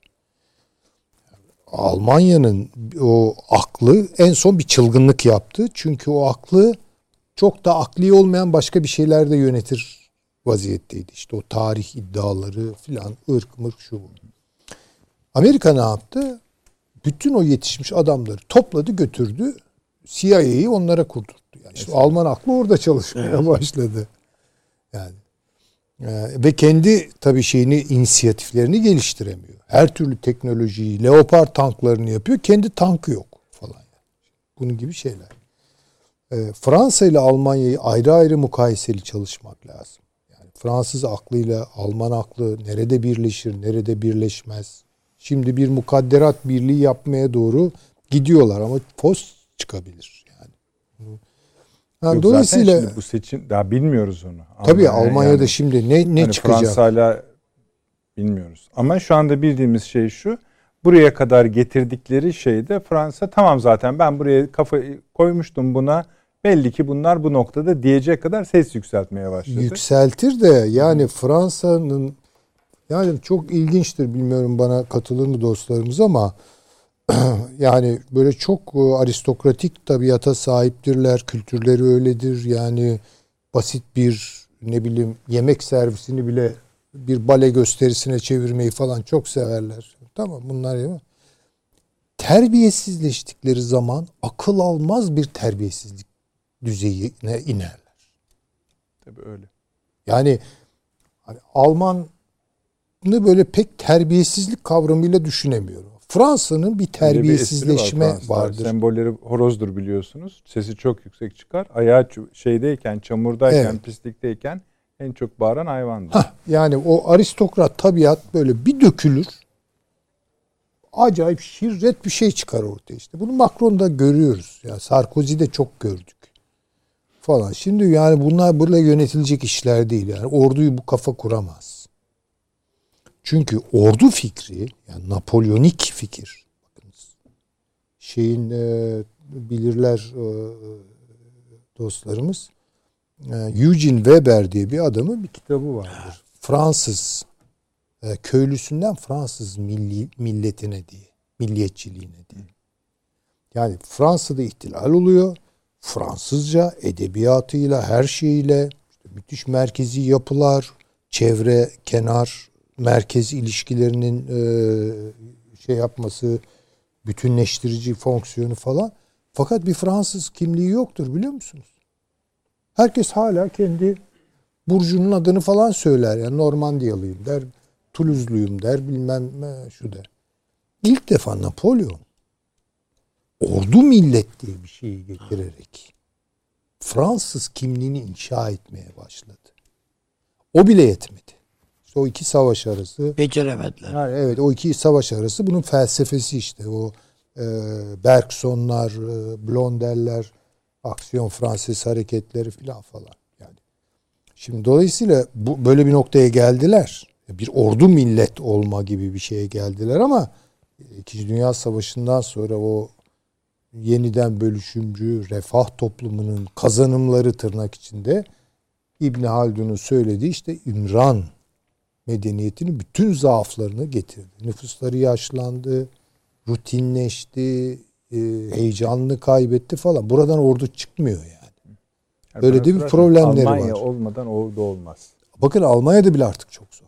İşte onun da şartları var. O şartlar ne? Almanya'nın bu hani bir tür başlasınız hani hadım edilme gibi bir durumu var Almanya'nın. İşte ama onu onu İkinci Dünya Savaşı'ndan sonra orada da şöyle bir şey var. Tabii o bir tepki olarak biliyorsunuz yani tamamen e, Versay'a tepki olarak geldi Hitler. Ama şöyle de düşünelim. e, bugün Almanya'da bu militarist şeyi ruhu o işte Bismarck'ların e, falan oluşturduğu Prusya generallerinin tohumlarını attığı hatta arka planında da kılıç soylularının beslediği falan. Şimdi ne kadar bugün Almanya'da var onu da bilmiyorum. Yani belki Almanya'nın köylüklerinde falan devam ediyordur da yani Westfalyalı adama falan bunları anlatmak biraz zordur. Onu, Berlin'de- yani şöyle hani Alman askeri ruhunun yaşadığına ilişkin E, problematik tabii yani genetiklerinde de ol, var hani gel- yatar şey yani. demedim yani, yani Fransa'da belki- söylence falan değil. Bu bir problem Evet. esasında. Militarizm o kadar genetik bir kod değildir ama yani biraz sonradan olmuşlardır. İyi de olmuşlardır yani bir şey de diyemem. Peki. Napolyon ordusu ama Almanların biraz Ben genetik oradan Almanya kodları seçimlerine bağlayacağım da Süleyman. e, oraya gidebilir işler yani. Ha, oraya gidebilir. Fakat diğer o Anglo-Amerikan e, şeyin oluşumun o neydi kuskuslu bir adı vardı ben bile ter- ama bu çok ciddi bir şeydir. Tabii tabii. Yani hani bugünün NATO'su odur esasında. Bakın bunu görelim. Bu North Atlantik'tir yani. Tam işte North Atlantik. Şimdi oldu diyor. Kana efendim öyledir. geri coğrafyası farklı Ha, olsa da- oraya oraya geçti. Sıklet merkezi o çok Peki. ciddi bir şeydir.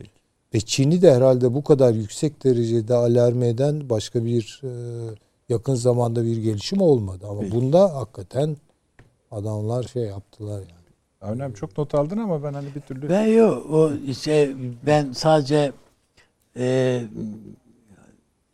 hocamın e, sözlerinden yola çıkarak buyurun. zamanımız da daralıyor. Ben Biraz daha e, seyircilerimize bir kitap önereyim. Aklıma geldiği için. Özellikle Fransa ile ilgili olarak yani batıyı batı olarak inşa eden akılla alakalı bir ipucu şey olsun diye. Bu Anatol Frans'ın bir ilahlar susamıştı. Atilla bir- İlhan çevirisidir ve Evet. çok güzel bir çeviri. Muhteşem bir tabii, çeviri tabii. susamışlardır. Yani Fransız ihtilali nedir? Ne o fikir şeyler o meclis fikriydi, şuydu, buydu. Bütün bunların hepsinin tartışıldığı bir şey.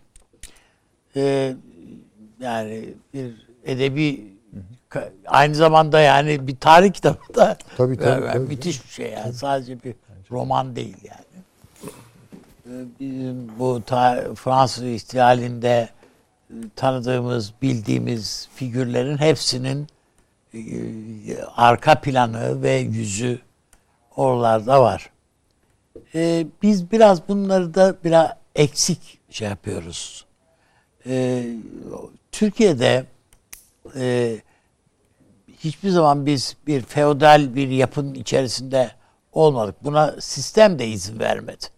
Yani işte Cem Sultan olabilme şeyindeydi, istidadındaydı veya hevesindeydi. O güm diye gitti yani işte e, İmparatorluğun kuzeyini, İstanbul'u sen idare et abi. Güneyini ben bana bırak Anadolu'yu deyince zaten orada kaybetti yani adam. Yani hayaller farklı. Hep Orta Asya'daki akla gidiyor. Yani devleti parçalayalım. Babam öldü. E, Şimdi ikiye bölünme zamanıdır gibi. E bütün Orta Asya'dan itibaren bütün Türk devletleri baba öldü, gerisi çocuklar arasında pay edildi. Böyle böyle yıkıldı. Osmanlı'yı ayakta tutan bunun tam tersi işte. Devlet haline getiren bizi hani o beğenmediğimiz kardeş kardeş katli şeyi var ya sistemi buna dayalı bundan dolayı Osmanlı dağılmadı ayakta. Yoksa bizim Paramparça oldu. Tara paramparça olduk. Bizim yap şey zihin yapımız iç dünyadaki yapı e, parçalanmaya da esasında çok müsaittir yani. Bakma yani Dulkadiroğulları hala yaşar. Saruhanlı hala vardır. Karakoyunlular Germiyanoğulları hala var. hala vardır. Yani bugün Tabii bir yerden bahsederken de Vardır. muhakkak so- soyad isterler yani bunu zikredin diye. Evet evet yani bu, bu hala vardır bunlar. Ayaktadır. Bir şeye bakın mesela milli mücadelelerin öncesinde Anadolu'nun birçok yerinde müdafaa hukuk cemiyeti ve hatta hatta bir takım e, şey hükümetler, yerel hükümetler kurulmuştur. Bunların hepsinin bulunduğu yerlere bakın. Bu beyliklerin bulunduğu yerlerdir zaten. Onun için bizim yani bir, e, milli mücadeleden önce bizim iç isyanları bastırma kavgası var. Mustafa Kemal'in. Esas kavga orada. Ya gibi. Onun için Batı'yı filan biz daha farklı bakıyoruz. Yani e, bu bu algılayışımız o yüzden aynı değil. Aynı aynı kelimeyi kullanıyoruz ama aynı şeyi kastetmiyoruz hiç. Onun için ben önümüzdeki dönemin yalnız şunu söylemekle ihtiyacındayım. Önümüzdeki dönemi değerlendirirken evet tamam Avrupa, Anglo-Sakson bir dünya, İngiltere. Burada İngiltere belirleyici. Buna hiç şüphem yok bundan. Ama öbür tarafta da bir Çin var. Ben bu iki büyük aklın, Çin aklı da küçüm, küçümsenecek bir akıl değil. Müthiş bir şey. Yok bir tek Süleyman Hocam prim vermiyor. Çin'e Ne mi? yaptın ama? Hayır. Abi, hocam prim verir canım. Niye vermesin? Belki. De ama e, Çin bir olgunlaşma sürecinde. Bu küçümsenecek bir şey değil yani. E, despot bir idare içerisinde yani yoksa Çin gibi bir de yapının o ekonomik gücün filan arkasında bir de insan hakları filan dediğimiz şeyler yani bir filan, öyle bir yapı şey olsa akıl olsa Ama o, zaman başka Çin- bir iş. Çin olmazdı. Çin o işte o zaman Çin olmaktan çıkarız diyor adam zaten. Onun için işte bu Uygurlara filan ne kadar dir, dürer bükersek o kadar iyi diye bakıyor adam. Ee, ama onun ötesinde yine e, dünyayı yeniden şekillendirecek olan aklın ben e, her ne kadar coğrafi olarak ufalmış olsa dahi Birleşik Krallık diyoruz. Hocam devamlı tabiri kullanıyor. Birleş, birleşebilmiş bir krallık kalmadı neredeyse ortada. Orası Ama tehlikede. ona rağmen o bir akıl. Refleksler var. On, onunla yeniden bir şekillenileceğini e, düşünüyorum. Esas da yani tabii- Amerika'nın bunu beklediğini mesela düşünüyorum. Ne yapmalı sorusunun cevabını Londra'dan bekliyor. Tabii tabii. Yani E, Bilmiyor işte. canım. Amerika'nın peşine gitmiyor artık bilmiyor yani. İngiltere. Tersine Amerika tabii. yani Yani bir de Ya bunu, ve bu- bekliyor Amerika bir yani. anlasalar çok iyi olacak yani. Ya Bilmiyor, bekliyor Amerika bilmiyor. yani ne yapayım Öyle. içinden. diye. Çünkü bütün yapılanması Soğuk Savaş'a göre. Soğuk Savaş aklıyla Soğuk Savaş'ın eridiği bir dünyayı yönetemezsiniz. Daha Üstelik kendi eksi dinamikleri de buna katıldı. Bir de işte pandemidir, itirazlardır vesaire ona eklendi. Şimdi Yani şey diyor ya çekiyor. Biden.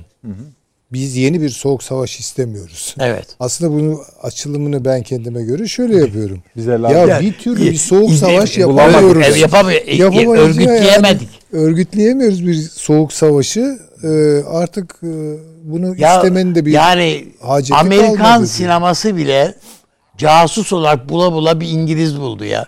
Yani değil mi James Bond? Ataşan Hoca Yani dedi yani o- kültür etkinliği falan Amerikan şu an o da gözükmüyor. Pandemi onu da vurdu esasında. Hani böyle herkesi akın akın sinemalara götürecek vesaire filan film de üretemiyor. İşte Öyle o şey var. dijital platformlara Tamam, falan dijital- Onu yayıyorlar yaparlar yani. canım. Onu Oradaki organize dağılma da bir yeniden. bakın. Acaba mesela İskandinav ülkelerinin yayınları ne kadar izleniyor? Avrupa mesela Alman yayınları ne kadar izleniyor? Orada da ciddi Şimdi değişiklikler mesela bütün var. dünyada şimdi İran sineması etkili. Şu yani e, ki Afrika sineması etkili. Çok önemli şeyler yapıyorlar. Yani peki- Ama bunları yine dağıtan e, Amerika. Ama Çin'le ilgili çok özür dilerim bir şey söylüyordunuz onu da söyleyeyim. Yani belki bir formül gibi bir şey olabilir üzerinde düşünülebilir. Ee, diyorum ki ben Machiavelli artı Calvin ee, Calvin tabii. şeyi formülüyle Bizde de var onun karşılığı. Sun Tzu Confucius formülünü bir mukayese edin bakalım yani. Hangisi daha acımasız? Ben de şuraya getirmeye çalışıyorum Süleyman Hocam öyle Tamam bir yere bağlayıp hocam da.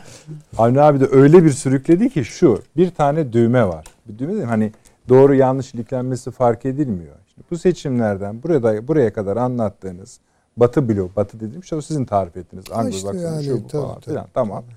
Oradaki düğme çö- çözülebilir mi sonucu çıkar mı soracaktım. O şansınızı kaybettiniz. Taşansı yok. Gideyim bir taşansı hocam. Şimdi bir e, siz, söyleyeceğiniz var anladığım kadarıyla. Onu ben bir alayım önce ama sonra siz ne olur e, şu- yani o soruya da cevap bulmaya çalışın. Buraya kadar geldi Batı dediğimiz şey. Bir Almanya seçimleriyle rabıtası doğmuş bulunuyor. Burada doğru bir düğme ya da bir başkasına göre de acaba açılması hali bambaşka bir yani Batı'nın yırtılması anlamına gelecek sonuç doğurur mu? Ben size şeyi de soracaktım. Bu İran'ın Şangay İşbirliği Örgütü'ne alınması meselesinin bölgesel etkisini ama zamanı sığdırabilirseniz. Toplam 6,5 dakikanız var. Aa, Vallahi çokmuş zaten. Yani sığdırmaya süper. çalışırım. Sağ olun Süper. bu kadar zaman ayırabildiğiniz için. Ben teşekkür ederim. Şimdi ben Buyurun. aslında sizin bana sorduğunuz e, konuyla yani Almanya seçimleri bir şey değiştirir mi ile alakalı bir şey söylemek istiyordum, eklemek istedim. Şimdi çok doğru bir şey söylediniz biraz önce Nedret Bey. Yani Avrupa Birliği ordusu ya da Avrupa ordusu ya da bütünleşik Avrupa onun e, merkez çarkı Almanya'dır. Bu hakikat bu. Ee, şimdi Almanya'da da öyle bir Amerikan etkisi var ki şimdi onu anlamadan e, geri kalanını anlamak çok zor oluyor. Yani Alman devleti gerçekten Alman devleti midir?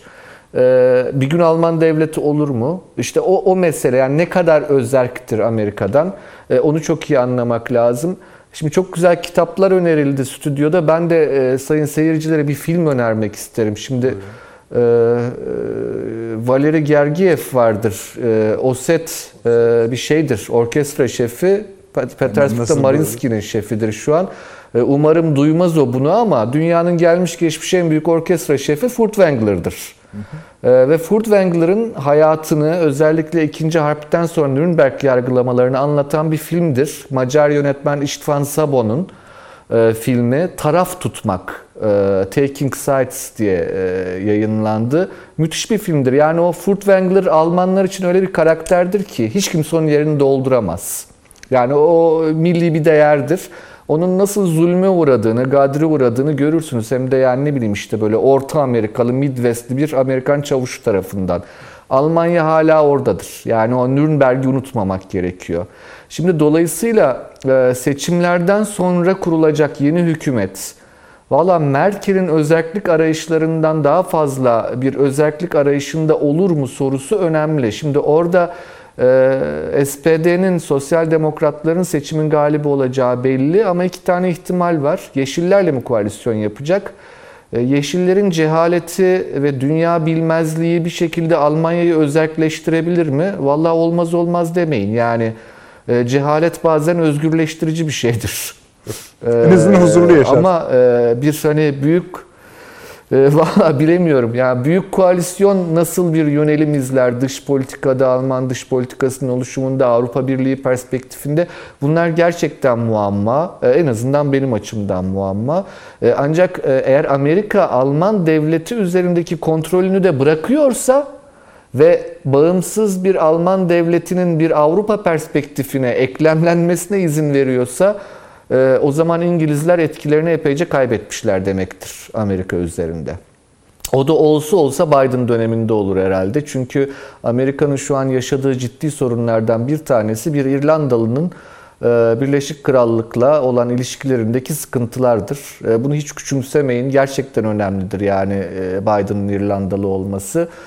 Kamala Harris eğer önümüzdeki dönemde onun yerini alacak olursa işte bugün yanlış hatırlamıyorsam biraz önce Modi ile görüştü. Mesela çok başka bir Amerikan dış politikası çıkar mı? Çıkar. Yani orada başka bir şeyler olduğunu tespit etmemiz lazım. Kamala Harris'in daha Avrupa kökleri olduğunu bir defa işte koloni Hindistan bağı vesaire e, önemli bulduğumu söylemek isterim. Yani Almanya'ya dair önemli olan husus Amerika'nın Almanya'yı ne kadar serbest bırakacağı, prangalarını ne kadar gevşeteceğiyle Şans alakalıdır. Hocam ben de bir şey söyleyebilir e? Bir daha tekrar etmek isterim. Furtwängler'a bir bakmakta fayda var yani. Buyurunuz, buyurunuz efendim. Şöyle bir kere zaten hani bütün konuklarıma hani kitap, film, sair tavsiyeleri için çok teşekkür ediyorum. Bunu keşke daha çok yapabilsek hatta kayda geçirebilsek ki neyse ki YouTube tekrarında Ama izleyicileri. Yani bizim de bütün kaygımız Taşansı Hoca ile de konuşuyoruz Üstad da. Hani zaten üniversitede öğrencilere o kadar çok kitap söylüyoruz ki e, Ama ben de şunu biliyorum. belki dinleyicileri o yani, açıdan a- yani mesela kitabın ya da filmin ismini biraz önce Avni Bey de tavsiye etti bir tane. O sırada duymamış olabilir falan. Bunu çok ciddi takip ediyorlar. ve Bunları hani daha çok istiyorlar. Onu ben eminim. Onu biliyorum. Bu önemli. İkinci konu Almanya meselesinde şunu da biliyoruz Taşansı Hocam. Ee, ona yani kötü dön İkinci Dünya Savaşı'nın o kötü hatıralarına da indirmek isterseniz indirebilirsiniz.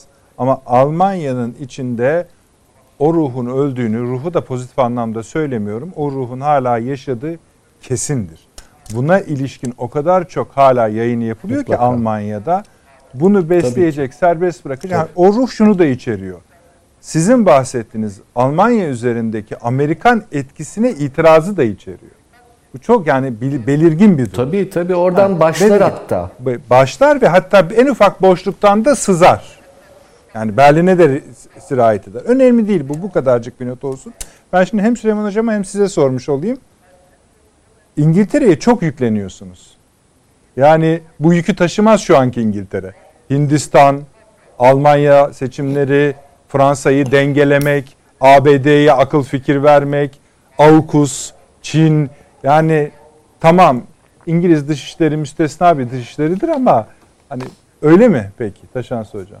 Kaldırır mı bu yük İngiltere? Bu İngiltere. Da ben ben öyle ben öyle düşünüyorum. Yani Fransa'nın e, Fransa'nın kategorik düşünme e, geleneğinin diplomaside ne yazık ki e, son derece büyük başarısızlıklara sebebiyet verdiğini, e, İngiltere'nin ise e, naratif üzerine kurulu esnek zihninin e, büyük bir diplomatik başarı aracı ya da düzlemi sağladığına inanırım oldum olası. E, Almanya'yı zaten şeyde bırakıyorum bu, bu çerçevede biraz önce anlattığım çerçevede gündem dışı bırakıyorum.